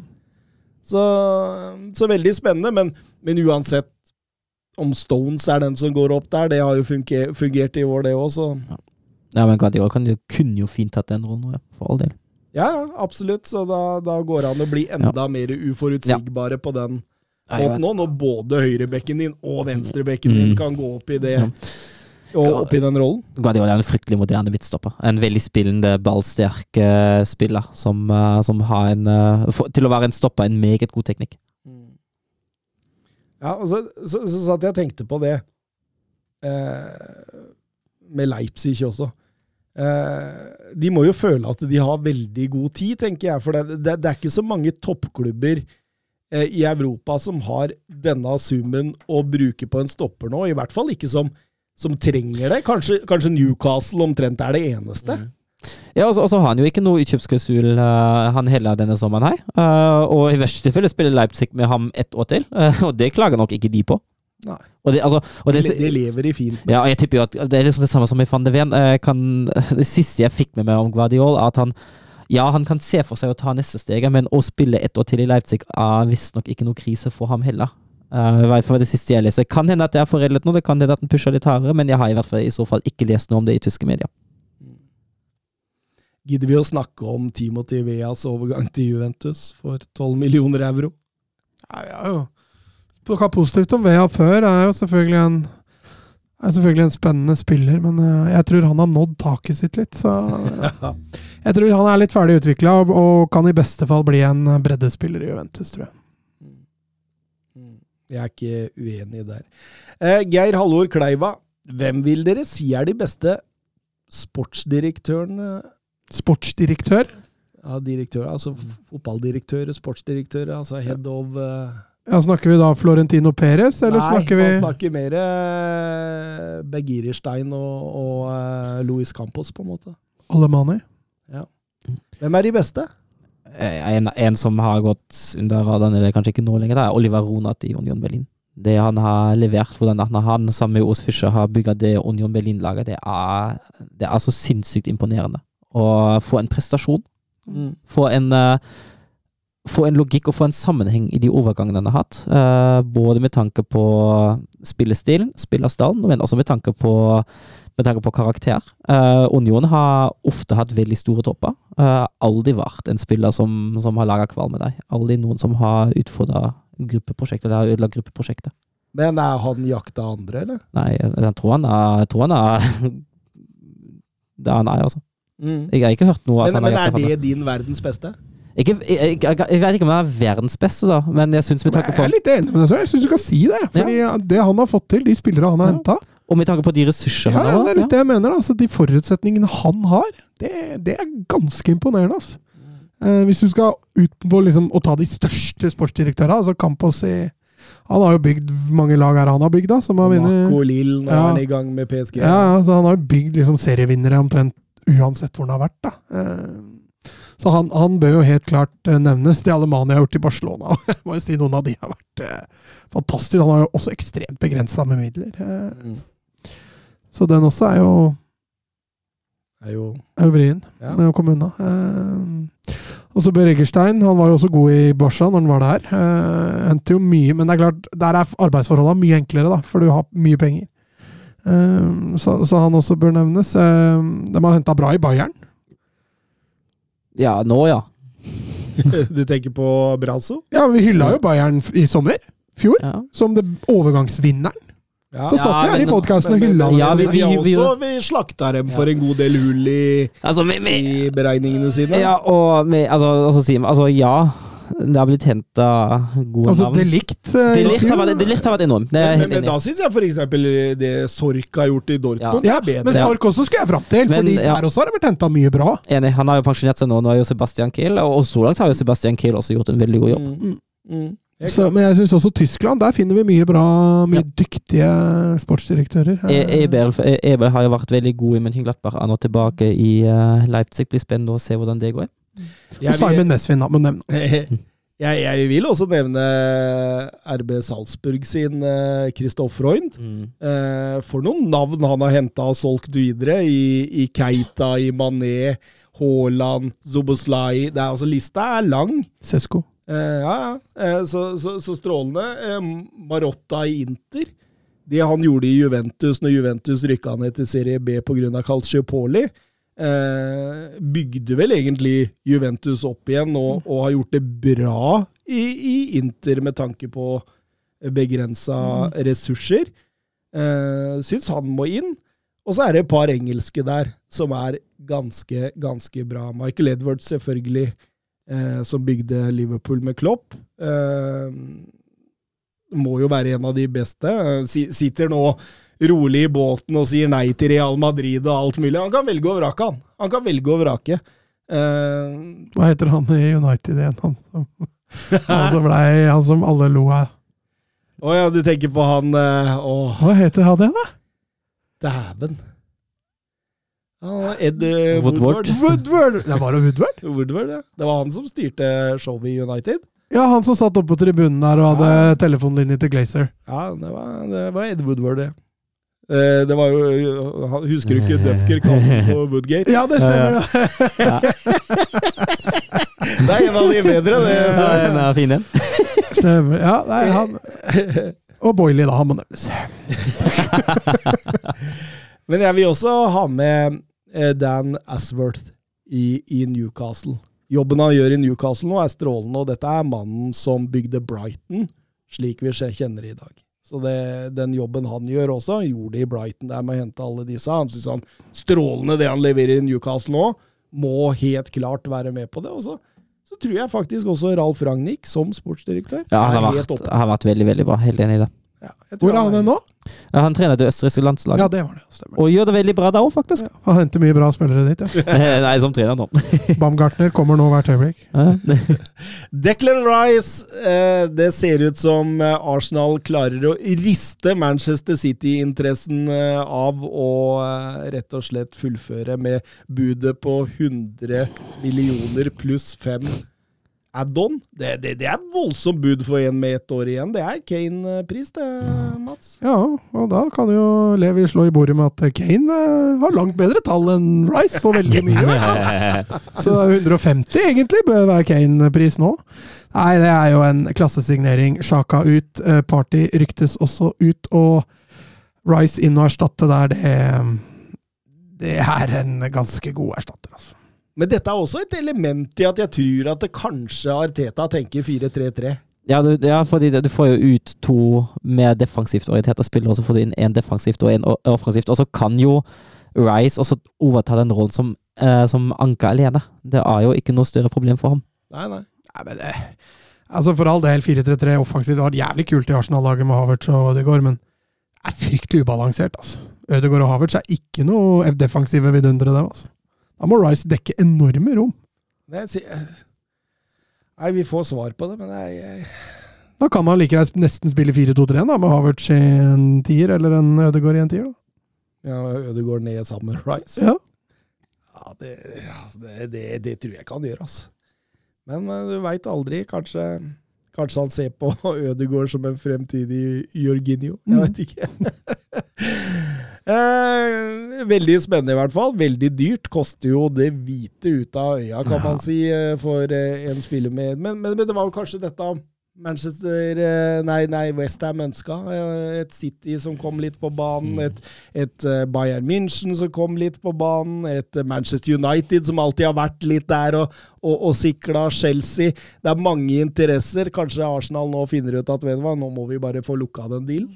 Ja, det, det er, altså konkurranse hjelper jo alltid. Uh, I tillegg er jo Altså, Premier League-spillere er dyre, og engelske spillere i Premier League er enda dyre, og engelske landslagsspillere i Premier League er dyrest. Det er jo litt som det er. Uh, og altså, en spiller av den kvalitet, og en spiller som er såpass ettertrakta, og som har vist så mye egentlig allerede, til tross for at den fortsatt har mange, mange gode år igjen, det er klart at prisen er litt dyr. Men ja, 100, 100 millioner er en fryktelig stiv pris. Jurien Timber begynner også å nærme seg Arsenal. Eh, Ajax har avslått et bud på 30. Eh, skal angivelig ha kommet et nytt bud på 43,5 nå, som er nærmere de 50 Ajax ønsker seg. eh, hva, hva tenker vi her? Hvor skal han gå inn? Han er jo ikke noe rein høyrebekk. Skal han inn og være eh, på en måte rotasjonsspillet med Saliba og, og Gabriel? Hva, Nei, altså, det, det kan jo hende at den er tiltenkt en høyrebackrolle og, og samtidig en backup-rolle sentralt. Uh, og det, Litt som Ben White har vært Eh, sesongen. eh, altså, men, men styrker jo uansett bredden, tenker jeg. Uh, med tanke på hva Rob Holding har prestert da Saliba var ute. Ja, um, men, altså, Det det, ble ikke like bra med Kivior og Rob Holding, Mats. Jeg gjorde ikke det. Vi snakka vel fælt om det òg når det gikk ned nå med hjem der, men jeg er litt enig. altså Arsenal har jo spilt litt skeivt. Zinchenko på bekken har jo vært veldig både inn sentralt og opp og på kant. og da ha en høyrebekk som holder igjen litt, så kan den rollen fungere bra for Timber. den altså. Sånn at den blir igjen med tre stoppere Ja. og sender Det er litt Ja. sånn som Ja. City spiller, da, at de sender opp én sentralt, Mm. sånn som Arsenal har gjort med Zinchenko, og så går Timber litt inn, og så spiller de en treer bak. og Det, det er jo en rolle som kan passe han fint. Da. Ja, det er jo egentlig en rolle som passer han som fot i hose, spør du meg. er helt enig. Og det er jo Altså, det er jo en eh, stopper som har profilert seg godt i, i Eres divisjon, men som ikke er ferdig utvikla heller. Jeg har snakka litt om han før. Han, eh, han må jobbe litt med posisjoneringa si. Han blir tatt eh, en del ut av posisjon. Men hvis man får orden på det der, så har man en potensiell klassestopper. Og han er, jo, han er jo klasse på mange områder allerede. Uh, altså En veldig spillende stopper. Vi om Guardiol, må vi også nevne det på, uh, på Timber. Men eh, Guardiol er nok et steg lengre enn Timber per dags dato. Mm. Ja, det er jeg helt enig med deg. Eh, Gustav Horndal. Manchester United venter og venter og venter. Glazers, Ratcliffe, Sjeik Sjeikesen fant i hvert fall ut at de ikke ville ha De Gea. Eh, Nå ser det jo kanskje ut som det begynner å løsne rundt eh, Mason Mount-overgangen. Eh, Er det noe du ville hatt inn, Mats? Ja, Det har vi diskutert tidligere, og jeg har vel vært skeptisk til den. Med tanke på hva de har fra før. Det du kan gjøre, selvfølgelig, er å fortsette med Eriksen ved siden av Casemiro, og så dytte Bruno ut på kant. da. Men eh, det er litt sånn overgang med Kai Havertz igjen, at enten så må man gjøre om litt på spillestilen, eller så, eller så blir han jo en av mengden. da. Eh, At GH er på vei ut. altså Vi snakka jo om det også, i forhold til at han forsvarte den jo med hud og hår i sesonginnspurten. Eh, Men, men han passer jo egentlig ikke så godt inn i Ten så ikke, ikke så overraskende, kanskje. Jeg blir helt matt, jeg, av det der greiene der. Jeg, jeg satt og tenkte på det her om dagen. Eh, altså det, det er et bevis på hvor dårlig en klubb kan planlegge og bli drevet. Alle i, i fjor sommer visste at uh, Erik Ten Hag ville bli ny manager i Manchester United. Alle visste at David De Gea er like god med beina som en femtedivisjonsspiller i Norge. Og alle visste at André Onana var gratis og up for grabs, liksom. Eh, altså, hva er det de veit denne sommeren her, som de ikke visste i fjor sommer? Altså, United ble jo enig med Ten Hag. Det var, altså, det var vel i april den ble annonsert. Altså, det betyr at man har jobba med Ten Hag gjennom et par-tre måneder før det. Eh, altså, i denne perioden så burde det være mulig å se Onana, en av de beste keepera i verden med ballen i beina. Han ønsker vi oss fordi han var kjempegod under Ten Hag i Ajax. Nå er han gratis. Vi, vi, vi står med en keeper med trebein. Eh, Nå, nå kan vi handle. Og Ja, likevel nå, da, så skal de by 60 millioner euro Er helt- hente Onana ett år etterpå. Det, det er helt spinnvilt, men altså Jeg veit ikke hva det er, men United, jeg føler at Det er jævlig humor, faktisk. ja, ja, ja, ja. Det Ja, men jeg, jeg føler det sånn at United har vært altfor trofast mot David Igea altfor lenge. Uh, og jeg, jeg husker jo Jeg husker da Solskjær for- Det var vel da Solskjær hadde den, den siste forlengelsen kom, og da Solskjær sa ja, vi har forlenget kontrakt med verdens beste keeper. Jeg, altså, jeg skjønner at du sier det, og jeg skjønner, at ikke, jeg skjønner også at du ikke nødvendigvis mener det, men jeg føler som at United har, har et sånn en tankeboble over at jo, han er jo verdens beste keeper, hvorfor skal vi gjøre altså, Hvis dere skjønner hvor jeg vil hen, da. Jeg føler at han har hatt litt for høy stemning i United. Altså, Han har ikke vært dårlig i United for all del. Han har hatt noen blemmer som andre keeper, og han, er dårlig med ballen i beina. men eh, men, men, men man trengte ikke mye fotballkunnskap Nei, for å skjønne helt- at dette er feil keeper i feil mål. Jeg er helt enig.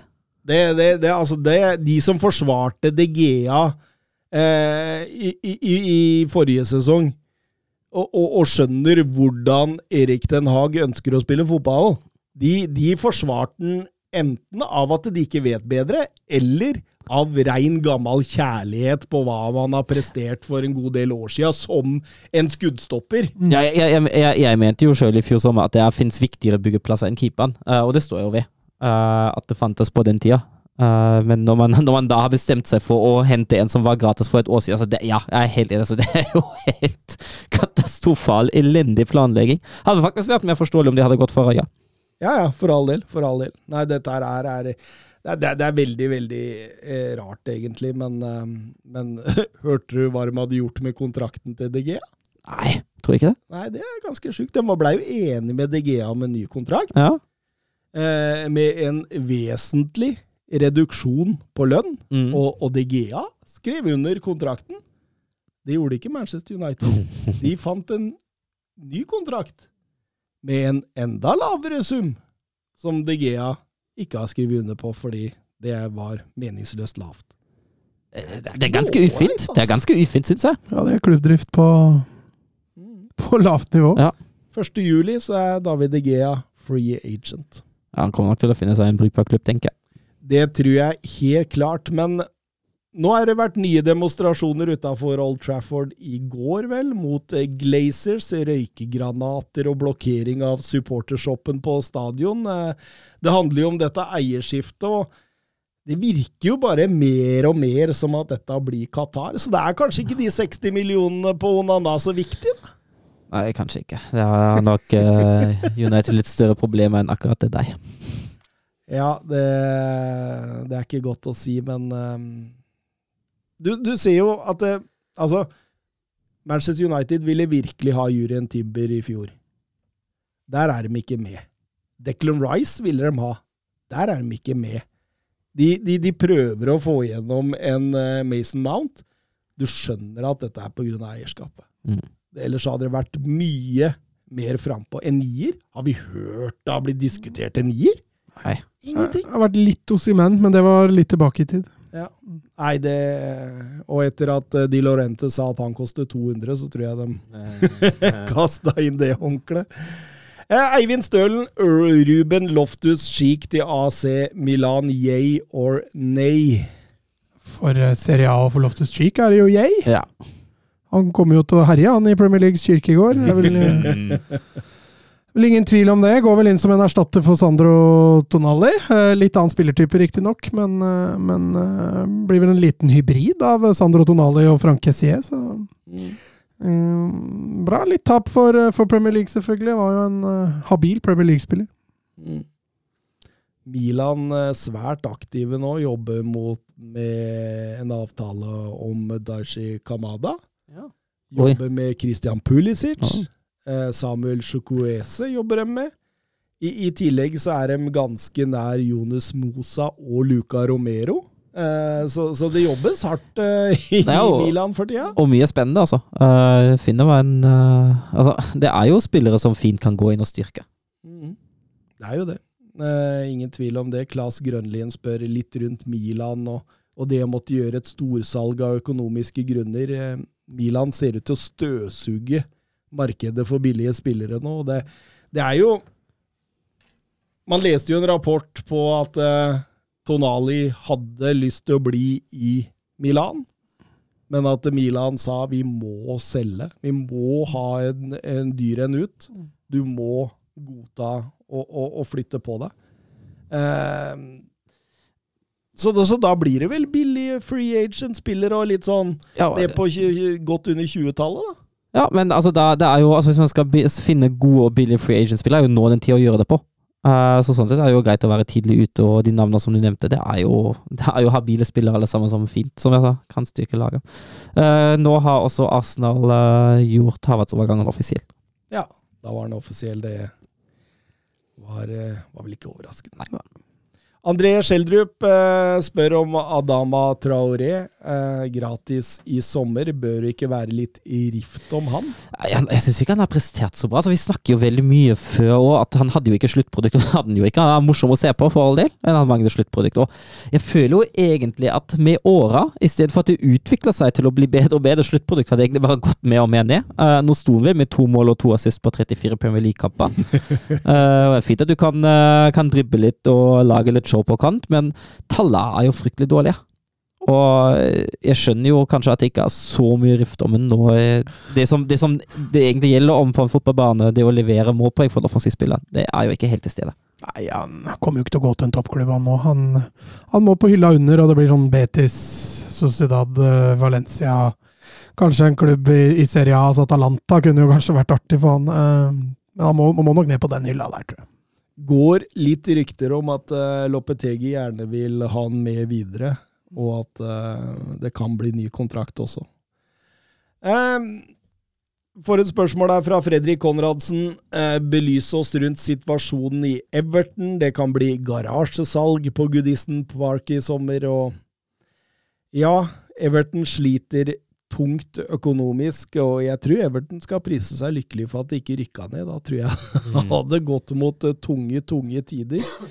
Eh, ingen tvil om at en del av årsaken her, eller brorparten av årsaken, ligger i deres nye storstue nede på, på Bramley Dock. Eh, Tottenham, jeg husker jo det sjøl når man bygde Tottenham Hotspur Stadium, at, eh, at eh, det var jo vinduer der hvor det ikke kom inn en eneste spiller. Husker spesielt 18-19-sesongen der. Det var det eneste nye var Olive Skip opp fra akademiet, på en måte. Så det, det, det er åpenbart eh, tungt økonomisk å, å, å bygge disse nye storstuene. Og Everton hadde vel ikke samme solide eh, grunnøkonomi heller som, som Tottenham hadde. Og når de da Altså, jeg så litt på tallene. De, de har kjøpt mye, altså, Ja. i, i, i forhold til å Ja, så har de, bygge. har de ikke levert sportslig heller, altså. James Rodriguez var god et kvarter, og så var han ferdig. En Angelotti med storsatsinga der gikk jo, gikk jo ordentlig dunken, og, og etter hvert så har jo disse storkjøpa bare fada ut. Og salg som Richarlison har jo plutselig blitt helt avgjørende for at klubben skal holde hodet over vann. Mm. Og dessverre så kommer det til å bli flere billigsalg nå, bare for å holde seg flytende, tror jeg.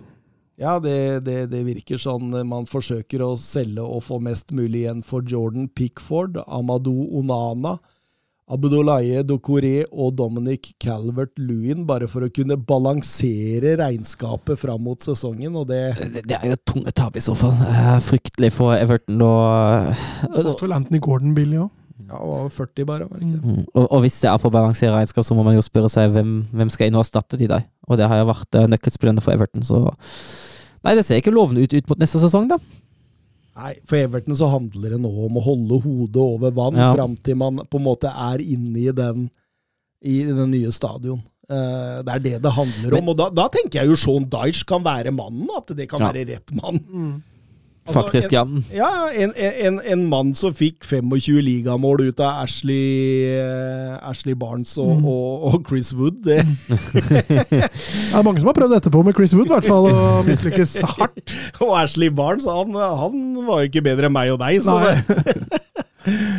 Nei, det Men, men ja for, for å rykke, rykke ned inn i det nye stadion, det hadde vært Ah. eh, helt katastrofe. den er tung. Når er det de åpner der? Er ikke til 24-25-sesongen. det er såpass, ja. Mm.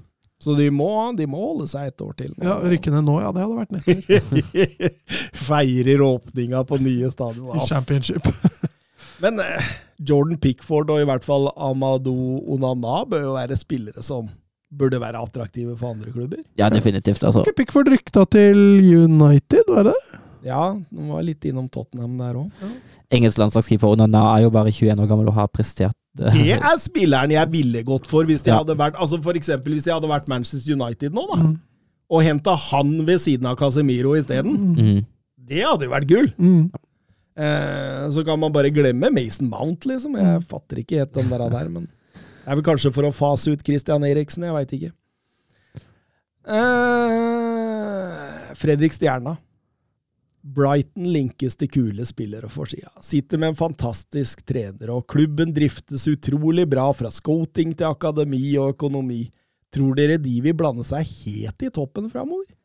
Ja, vi har snakka om litt før det òg, at, at det er sånn, det er klubben akkurat nå, og så har de nådd taket sitt, på en måte. Eh, De må kunne greie å beholde typer som McAllister over lengre tid, da, hvis de skal greie å etablere seg i toppen. og Altså Det er bare et tidsspørsmål. Altså Mitoma går vel til en større klubb etter hvert. Um, Caicedo. Caicedo, ikke minst, han ryktes ut allerede nå. og Da, det, er vanskelig å bygge et topplag da, når hele tida må utvikle nye spillere. Hver sesong så må du men Brighton har vært fantastiske på det, men, men da når du på en måte taket. da. Uh, du må greie å beholde Caicedo et par år, og etablere deg topp fire. Så kan du begynne å snakke toppklubb.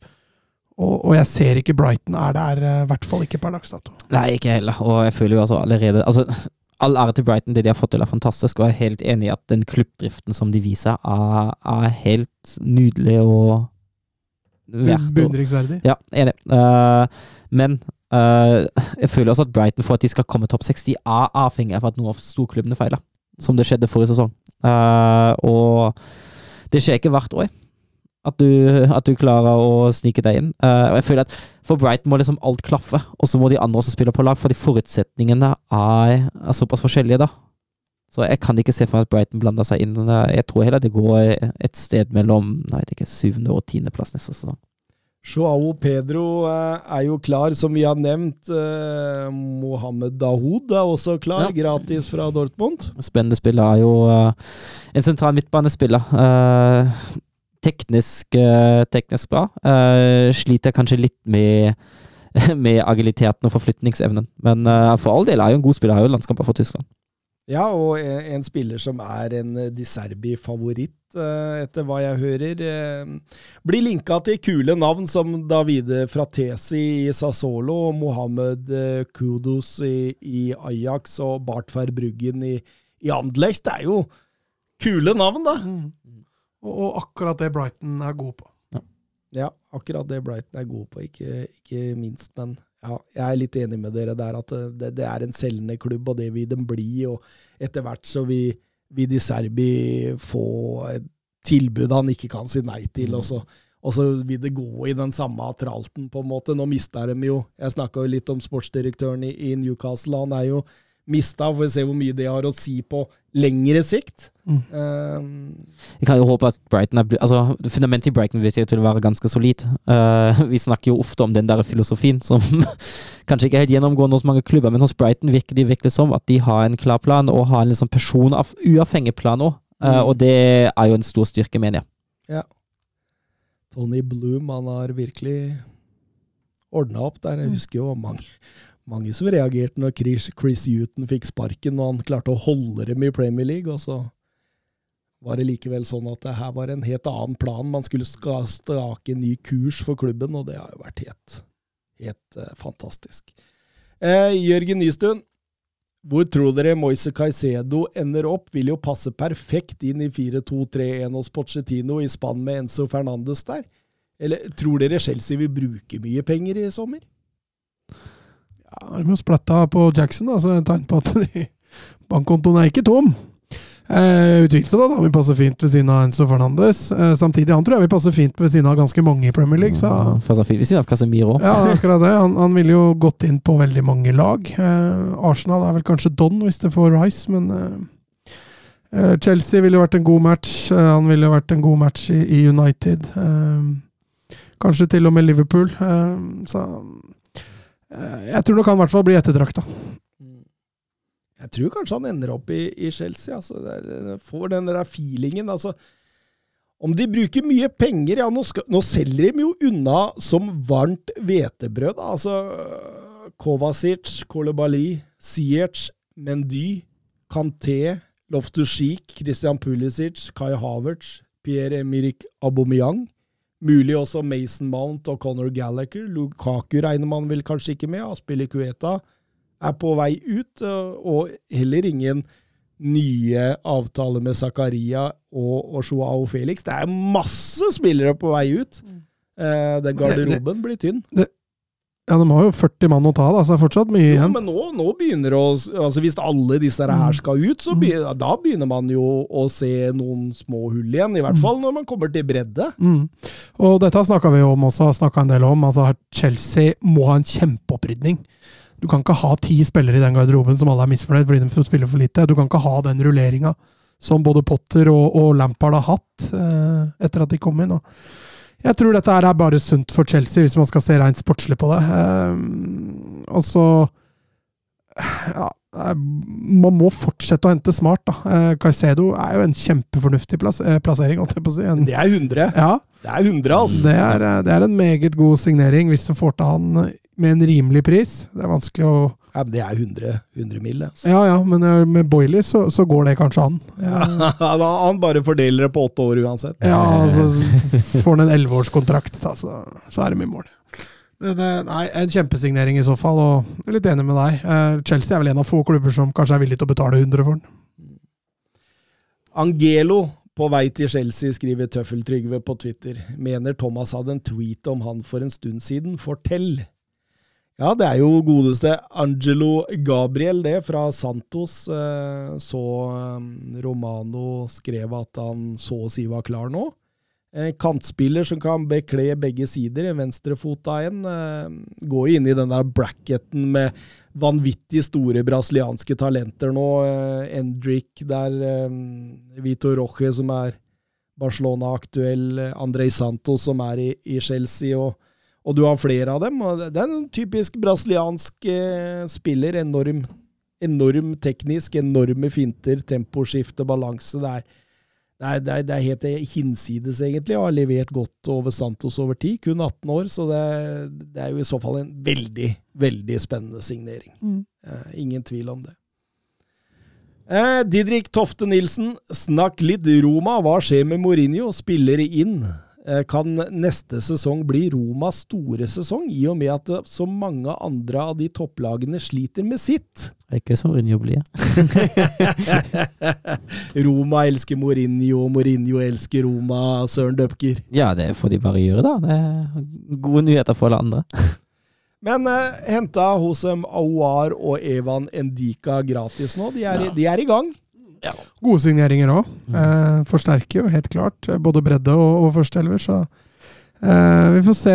Jeg tror jo Altså Hvis Mourinho hadde vært ferdig i Roma, så hadde han jo vært ferdig nå. De hadde jo ikke sittet med han nå, hvis han ikke skulle vært der. Og han må jo bare fortsette å, å få lov å bygge. Eh, når de andre klubbene sliter, vil jo helt klart gagne Roma. Hvis Dybala også blir, så, så er jo det en kjempepluss. Eh, så Skamakka kommer muligens fra, fra Westham nå. Ja, så han ble ikke en suksess i Westham, altså. Ja, det Blei du overraska? Eh. Westham fikk ikke til nieren! Ja, skikkelig Nei. Eh, nei da, eh, kommer Skamakka og kan gi han derre um, skåringsvegringens eh, Abraham litt konkurranse. Det tror jeg ikke er så dumt. Han er vel ute til langt ute i sesongen, regner jeg med, med denne eh, kneskaden sin. Eh, Berardi er aktuell for Roma også. Ja, det hadde vært en klassesignering. Mm. Vi, la oss si, da, de får henta Skamakka nå. De får kanskje henta eh, Berardi eller en Fratesi fra, fra Sassolo. De de har henta, Oar, Endika gratis. Da begynner de med å bygge et spennende lag her. Ja, men vi, jeg føler vi snakket jo veldig mye om at de bygger et spennende lag forrige sesong òg. og det har ikke vært sånn Jo, voldsomt. men, men, men, men, men hvis dette kommer inn, så er det jo Da har de jo tatt enda et steg. Ja, Ja. vi hylla jo Dybala-overgangen i fjor, og Hvem det var det de henta i fjor? Mm, mm, mm. Satte jeg deg litt på Ja, altså De henta, de henta Vinaldum i vintervinduet, var det vel? eh, Og så henta de Ja, for Jeg husker vi satt og prata litt om at Ja. eh, de hadde noen spennende overganger og Ja, eh, Seki Selik, Ja. høyrebekken. Ja. Ja. Funka jo ikke så veldig bra. Uh, Nei, for de fikk jo liksom ikke Eh, Så henta de Solbakken. ja. Han kom i vinter. Ja. Og så henta de uh... Hente vel var det, var det var vel i fjor de henta Belotti? Ja, de Ja. henta jo Belotti gratis, ja. Har vel heller ikke funka voldsomt bra. Nei, og da er det jo som du sier, altså Dybala skiller seg jo veldig ut blant de overgangene vi snakker om nå, i hvert fall.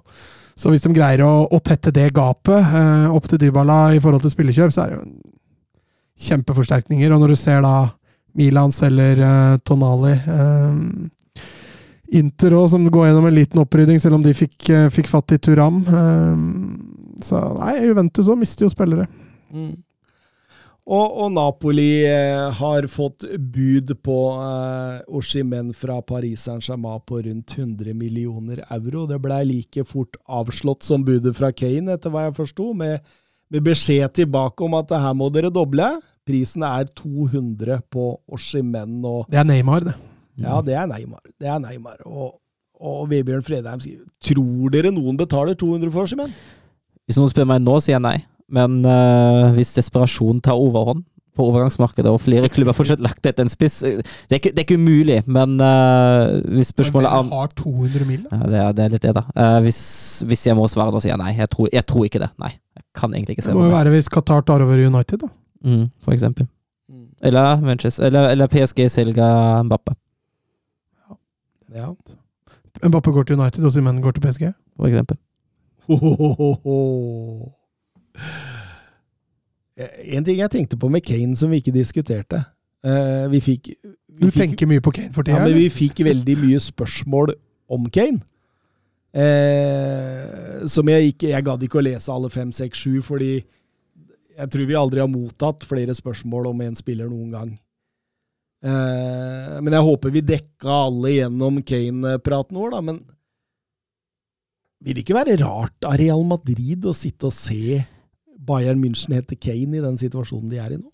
Jo, fryktelig. Eh, de bør jo kaste seg inn de. Du Eh, men jo. ja. ja, altså, altså er det sånn spørs hvor, hvor, mye, hvor mye penger har de igjen, da? Ja, Det- men det, er åpenbart så har han jo Altså, han har en bankkonto, og så har han et sparekonto hvor det står øremerka Mbappe. Ja, ja, ja. Helt klart, ja. noen av de Mbappe-pengene på Bellingham, så vil han jo fortsatt ha 100 igjen til, til Kane. Jo, men han sa jo også tidligere i sesong i overgangsvinduet her nå at nå var Real Madrid ferdighandla. Vi var vel enige om Ja, at det var løgn og sprøyt, men eh, Altså, hvis det er en spiller de kan hente inn nå som er mest mulig lik Benzema, så er det jo Kane. Rutinert, god feilvendt. Ja. Ja, Med Kane inn så mener jeg Real Madrid fort kan bli Champions League-favoritter. Mm. Uten Kane så mener jeg de har ikke kjangs. Mm. ja, jeg er helt enig. Uh, alternativt, da. de Det kan du si om Lillestrøm òg. Kanskje ikke Lillestrøm, da, for de skal ikke spille med Molde, da. Hvis Molde henter Kane, så er det Champions League-favoritter. Ja. det- det Etter Kane og Courtois, så tror jeg nok Så tror jeg er en fort vinner, det der. Torjus Hansen, Dominic Zuboslai er sterkt linka til Liverpool og Newcastle. Dere har snakka mye om han. Er han god nok? Hvor god er han? Hva er styrkene? Beste posisjon, osv. Ja, altså han, jo, han har jo veldig mye potensial. Uh, og han har jo vært til tider veldig god i Leipzig òg, for all del. Uh, jeg føler at det, det, det, det mangler litt på stabilitet ennå. Uh, på sitt beste er han veldig, veldig god, uh, men han har også faser og kamper uh, der, han, der han er litt usynlig, der spillet går forbi ham eh, og alt det der. Eh, han er jo en eh, offensiv midtbanespiller som også kan bekle en kantrolle. Eh, teknisk veldig, veldig god. Eh, veldig god kombinasjonsspiller og en eh, en veldig bra å ha skutt fot. så det er jo en god del kvaliteter her, som man kan bygge videre på. Og han har jo Jeg mener jo at han har Han er potensielt verdensklasse. Han er ikke helt der enda På sitt beste er han som sagt veldig, veldig god. Uh, og hvis man får ham til å, stab eh, til å prestere stabilt, uh, så kan han være god nok for et, uh, for et av topplagene i Premier League. Utkjøpsklausul på 70, Mats. Hadde du betalt det for den?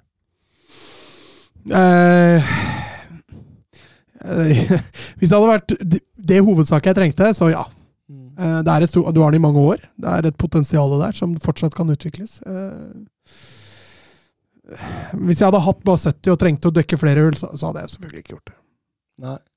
Men hvis man har henta en McAllister eller en Tonali, og så skal ha en på den andre Da funker jo dette veldig, veldig bra, tenker jeg. ja. Mm. Det gjør jo det. Kristoffer Drevsjø Eikås han spør jo Liverpool har jo nesten fylt utenlandskvota si nå. Eh, er det noen engelske homegrown-spillere som bør være aktuelle? Jeg, jeg kikka litt her. Det er ikke lett å skaffe engelske homegrown-spillere i den kvaliteten Liverpool behøver til en realistisk penge. Eh, med et realistisk navn bak. Altså, det, det, det er ikke lett, altså. Det er virkelig ikke lett. La, la oss si for eksempel, hvis man omskolerer eh, Trent Alexander Arnold da, i denne, denne indreløper-ish-posisjon, eller en sånn slags hybrid eh, Kanskje man trenger en høyrebekk. Ok, da kunne Tivo Livramento vært noe. Eh, syns han, så lenge han var skadefri i hvert fall, var helt strålende, og en sånn typisk Liverpool-spiller. En stopper, ja, kanskje Mark Guei. Eh, men utover det, jeg, jeg, jeg fant ingen, ass. Nei. Altså, de, de Og det er en grunn til at engelske spillere i Premier League er så dyre. Ja, ikke sant? Eh, Mason Mount og Gallacher har de jo vært linka til, og man kan jo forstå hvorfor, da, med tanke på at eh, hvor mange det mangler hvis man trenger homegrown-spillere. Mm. Så, så skjønner man det jo kanskje i større grad. Eh, ellers er de jo linka til øst og vest nå. Gabri Vega, Manu Kone, Kepren Turam, Jeremy Doku. Eh, det hadde vært kult å se Doku i Premier League, faktisk. Eh, Seko Fofana. Ja, du sukker tungt. Ja, Det det. ser ut som han er på vei til Saudi-Arabia, altså til Al-Nasser. 28 år gammel. Har kvalifisert seg til Champions League. Den er, den er, den er stygg. Mm. Det er så fryktelig trist, altså. Jeg, jeg blir matt av til deg. Jeg, jeg klarer å akseptere de som er 32, 33, 34, 35 og full på vei ned. Den er sånn, jeg tenker, jeg tenker ikke så mye på Kanté, jeg gjør ikke det. Jeg tenker ikke så mye på Men, men, men sånne her, det syns jeg er, er dritt. Er ikke Bernardo Silva sterkt rykte? Ja, Ah, jeg tror ikke det skjer. Ok. tror ikke det skjer. Men det her, er dritt, ass. Det er skikkelig dritt. Jeg så også Giovanni fra Palmeiras nå, en 19 år gammel brasilianer, dro til Al-Sad, var det vel. Det er ikke bra, vet du. Det er ikke bra. Um, Jørgen Knutsen ser at Dortmund ønsker seg Wolfsburgs Felix Mensha, men eh, midtbanespilleren har blitt stempla som et problembarn. Ja. Si noe om dette. Ja, altså det sportslige først da. Han er jo en uh, teknisk god, uh, forholdsvis kreativ midtbanespiller, uh, som har jo debutert på det tyske landslaget mot Belgia tidligere i år. Eh, var egentlig fast, fast del av U21-troppen. Uh, gikk glipp av U21-EM pga. skade. Uh, har utvikla seg godt i Wolfsburg, må jobbe med å prestere litt mer konstant. Eh, men eh, han er del av en bibelgruppe i klubben med broren Lukas og Max Hans Lacroix. Eh, De tre møtes med en prest og leser i Bibelen sammen. Og det i seg selv er ikke noe problematisk, men Nei, det må det jo ikke være. godeste Felix Nemetja, han har over flere over en lang, lengre periode nå har han lagt ut flere poster uh, på sosiale medier som er direkte homofob og transhatende. Oi. Det har blitt samtaler med Wolfsburg om det. Det har blitt samtaler med Fotballforbundet om det i Tyskland. Det har blitt samtaler nå med Dortmund, som er nær å signere ham. Uh, han har fått beskjed at han skal slutte med det. Uh, han har ikke slutta med det. Eh, og for å være helt ærlig, er dette en spiller som jeg egentlig bare vil bli kvitt så fort som mulig. Uh, jeg har ikke lyst å bli at Står ikke verdiene dine, Nei. det. Jeg har ikke lyst til at klubben min skal bli assosiert med deg, uh, og det er bare å selge til Dortmund så snart de kommer i et fornuftig bud. Uh, et fornuftig bud for min del med tanke på det sportslige alder og alt det der, sånn rundt 20 millioner euro. Det er bare å, bare å selge og bli kvitt. Og jeg vet at uh, det er mange Dortmund-supportere som protesterer ganske høylytt mot, mot eventuell signering av Felix Metsj av nettopp den grunn. Ja, det hørtes jo det er helt katastrofe. Det er faktisk uh, helt katastrofe. Hva var det siste nå? I starten av juni hadde han framstilt Pride som en, som en djevel eller noe sånt. Det er helt uh, Som en djevel? Ja, ja, ja. Mm. Eller Pride plista på Jeg vet, jeg vet ikke hva det var, men et eller annet med djevel og pride. Altså, jeg, jeg, jeg, har ikke gått inn og sjekka sjøl. Religion kan hjernevaske deg, altså. Mm. Ja, religioner kan være skummelt. Ja, det kan være skummelt hvis du ikke Altså, religionen i seg sjøl er ikke skummel, men folk som tolker den. Ja, altså, kri liksom. kritisk tankegang kan være vanskelig for mange. Ja, absolutt. Um, Steffen Hansen. Tror dere Dino Toppmøller, hva tror dere om han i Frankfurt? Har mista Endika og Kamada og kanskje Kolomoani, men har kjøpt spennende? Ja, veldig. Uh, og det er jo ja, det er jo en interessant trenersignering. Han var jo assistenten til uh, Julian Nagelsmann i Bayern nå sist. Um, og han har jo ikke Altså, han er et sånn ubeskrevet blad, da. Uh, han, har, han, har, spilt for Frankfurt før. Faren hans har trent Frankfurt tidligere. Um, men han, som trener så har han vært mye assistent, uh, og han har, han har vært i uh, Dudelage, kan det være? Uh, på Dudelingen i, uh, i Luxembourg. Dudelingen? Ja, og de, dem har jo ledet til, til Europacup-gruppespill for første gang i uh, klubbens historie. og prestert veldig, veldig bra der.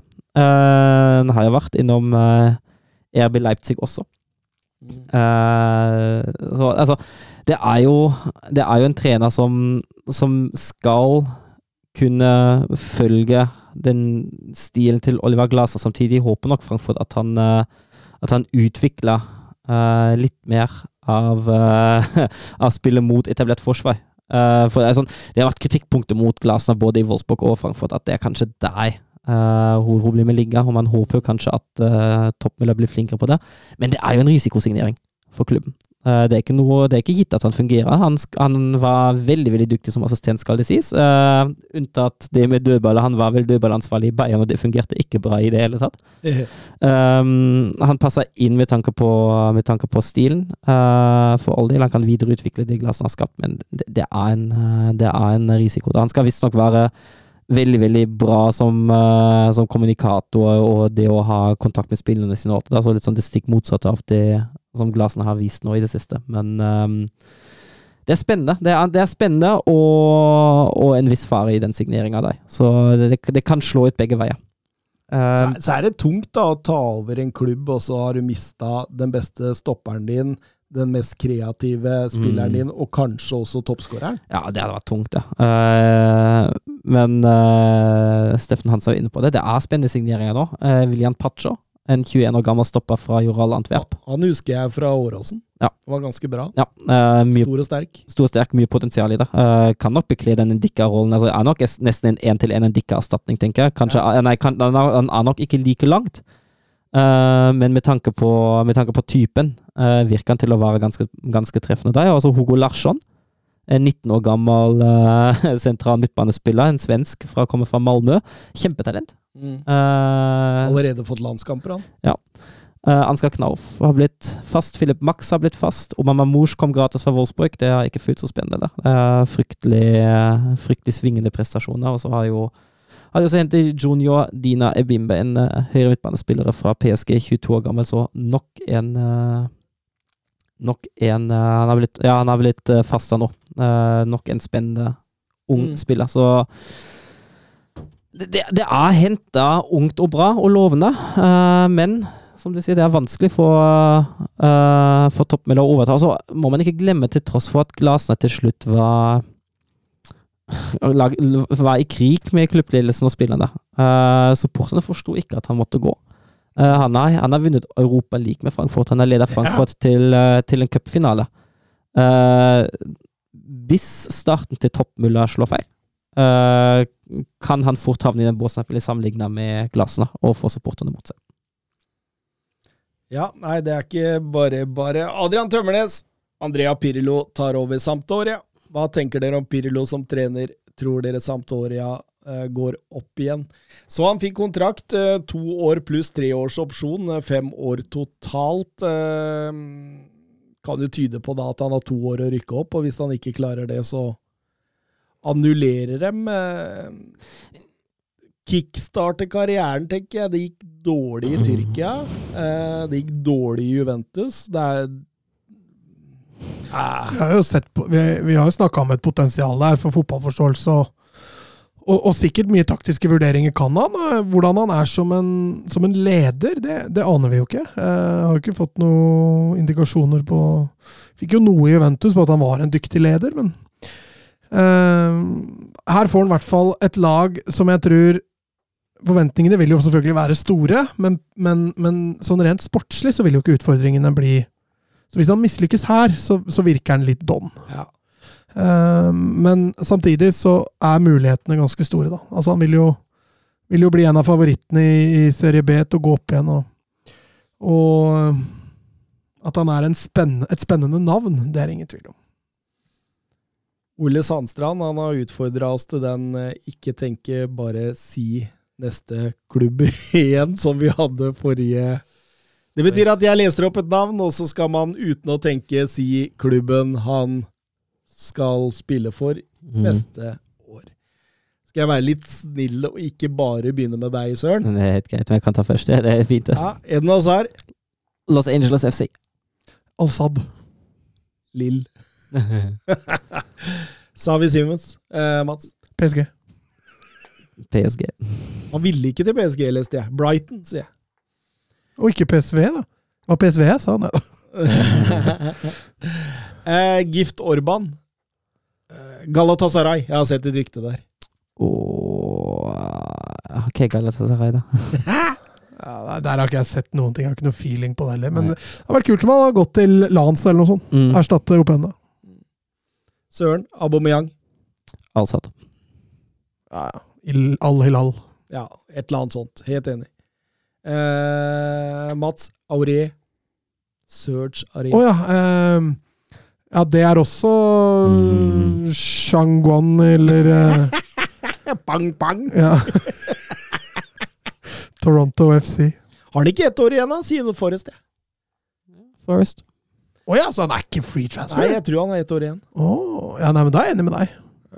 Han har, fikk ikke han en ålreit stjerne der? Jo, jo, han var bra. Jo, det ser jeg for Eh, er det meg? Ja. Eh, David Igea. Og fint. Eh, Villa- Villarreal. Inter Milan. Ja. Den Ja, var den, var- den, den, den likte jeg. Den var rask. Ja. Eh, men eh, Ja, litt, eh, ja.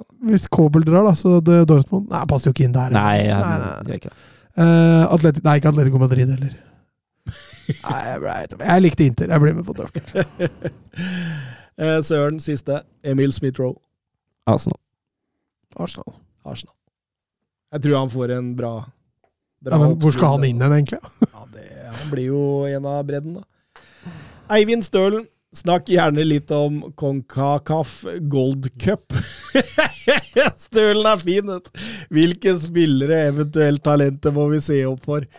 Alfonso Davies, Kyle Lauren og eh, Jonathan Davids fravær gjør jo at man ikke akkurat kan si «Oh, Canada». Det vil kanskje gjøre USA eller Mexico til favorittene, spør han, og da skal jeg være den første til å si at jeg kommer ikke til å ha så veldig mye tid til overs til å gå gjennom denne cupen. Og når jeg ser også på laga som spiller der, altså St. Kitts and Nevis, eh, eh, Martinique og Qatar og Martinique, er ikke det Martinique? Martinique, Ja. Martinique Jeg vet, jeg ikke Jeg vet ikke landet her engang. Hør på dette landet her, da! Guadalupe. Guadalupe, ja. ja. Ja. Aldri hørt om Guadalupe. land, land engang. Men Nei, det El Salvador og sånn, er dem med der, eller? Ja, De, de Honduras og det er vel den, jeg vet ikke om de er kvalifisert men ja, det er jo Det er den, den, konfederasjonen, den konfederasjonen, ja. Nord- og Mellom-Amerika, ja. Martinique. Martinique. Høres ut som jævlig fancy dame, egentlig. Men, men eh, noe har jeg fått med meg, og det er at Canada er ganske ribba, men det er også USA. USA kommer også uten Pulisic og Reina og Mosa og, og Aronsen og alle disse der. Altså, Jeg ser jo Mexico som en ganske sånn klar favoritt til å ta dette her. Eh, kanskje Jamaica som en liten outsider med Michael Antonio og, og, og Leon Bailey på topp der, men det er, det er her. Dette, dette klarer jeg ikke å følge med på, Stølen. Nei, altså, altså er jo problemet altså, De spiller jo på ganske ugunstig tidspunkt. Det er ikke bare å benke seg ned med en match på en, på en kveld klokka seks eller klokka åtte. De spiller jo midt på natta. Ikke sant, ikke sant. Skal vi ta med at Neymar sa det blir ikke aktuelt å dra til Saudi-Arabia? Oi, såpass bra. Det må vi hylle. Han tjener vel så bra i PSG, og penga kommer jo fra Saudi-Arabia likevel. Nei, Ja, det er- Nei, det er for så vidt sant, da. Det, det, det er jo kanskje Han har sikkert ikke behov for penger. Vet du hva, han, jeg, tipper, jeg tipper kanskje, før vi hyller det her, uh, at det er kanskje mer det sportslige nivået han tenker på enn alt annet. Jeg tror han gir ganske langt blaffen i hvor pengene kommer fra, så lenge sportslig nivå er bra. Men uh, jeg tipper kanskje at det, det er det som var utslagsgivende for ham. Har vi hørt noe mer om Frimpong? Om han Nei, ikke ennå. Jeg har ikke fått, noe, fått, fått lest noe fra Tyskland heller. kan vel være fordi Manchester United fortsatt venter på dette eierskiftet sitt? Kan få tenkes, det. Jeg så forresten at eh, Bayern München ville hente Kyle Walker nå. Ja, ja, De skal visst eh, Skal visst snakke med spilleren der òg, vet du. Ja, men han er det vel lettere å snakke med. Ja, da. Men eh, Pep vil Pep, eh, Ut ifra det jeg leste fra Tyskland, i hvert fall, har Pep lyst til å beholde den. ja, han har ett år igjen, han òg. Mm. Men eh, Bayern er veldig interessert i å hente Kyle Walker. Ja. Det er sikkert fordi de vil at Kane skal ha noen å prate med. Ja, Tyskerne er veldig dårlig i engelsk. Jeg så en på Twitter nå som sa at det er en stor plan bak dette her med å hente Kane. Fordi de vil ha Mané, Kané Ja. og Sané. Ja, men det kan jo, kan jo Kané gå mellom når Sané og Mani begynner å krangle igjen, da. Perfekt. Nei, skal vi si det er nok er nok, gutta. Eh, Mats, du tar noen ukers eh, pause. ja, jeg drar på ferie. Så får vi se hvor flittige Søren Døpker og Thomas blir i denne pausen. Det får vi bare ta som det kommer. Ah, det har vært gøy å spille litt inn, da. Ja, jeg skal reise litt ut her og der, Ja, men skjønner, ja. neste uke er jeg i hvert fall Ja, klar. men det tar vi jo neste uke, da. Gjør vi ikke? Vi gjør det. Ja. Vi snakker litt uh, neste uke også. Ja, bra, da. Fint. Skal vi drøfte litt videre rundt det, eller før vi går av? Vi- At, at dere skal ha episode neste uke? Ja, men det kan vi gjøre. Fordi vi kan si at uh, hvis det er noen her Hvis det er noen her som har lyst til å komme som gjest Noen av våre lyttere i nærheten som faktisk har hengt på nå i to timer og elleve minutter, som har lyst til å komme hit og være gjest hos oss neste uke, tirsdag, onsdag, torsdag, en eller annen gang, skriv ønske. Ja, Ja, ja, tirsdag, onsdag, torsdag er fint, det. Ja, ja. Tre dager med podkast? Det er jo er ikke sikkert han En, en av de tre. så er det lov å melde, melde oss på Twitter. Ja, Det, Kan dere Si det? det, det er kult, ja. Ja, det har, det har, det om- det har vært kult. Får vi se om det er noen som eh, Jeg veit jo vi har mange lyttere i, overalt i hele verden, og jeg skjønner at man ikke reiser mange hundre mil for dette, men eh, sånn som Geir Halvor Kleiva gjorde. men det, det går jo an å høre, og hvis det ikke det skjer, så får vi med oss en. Det er fint, det. Ha det bra! Ha det.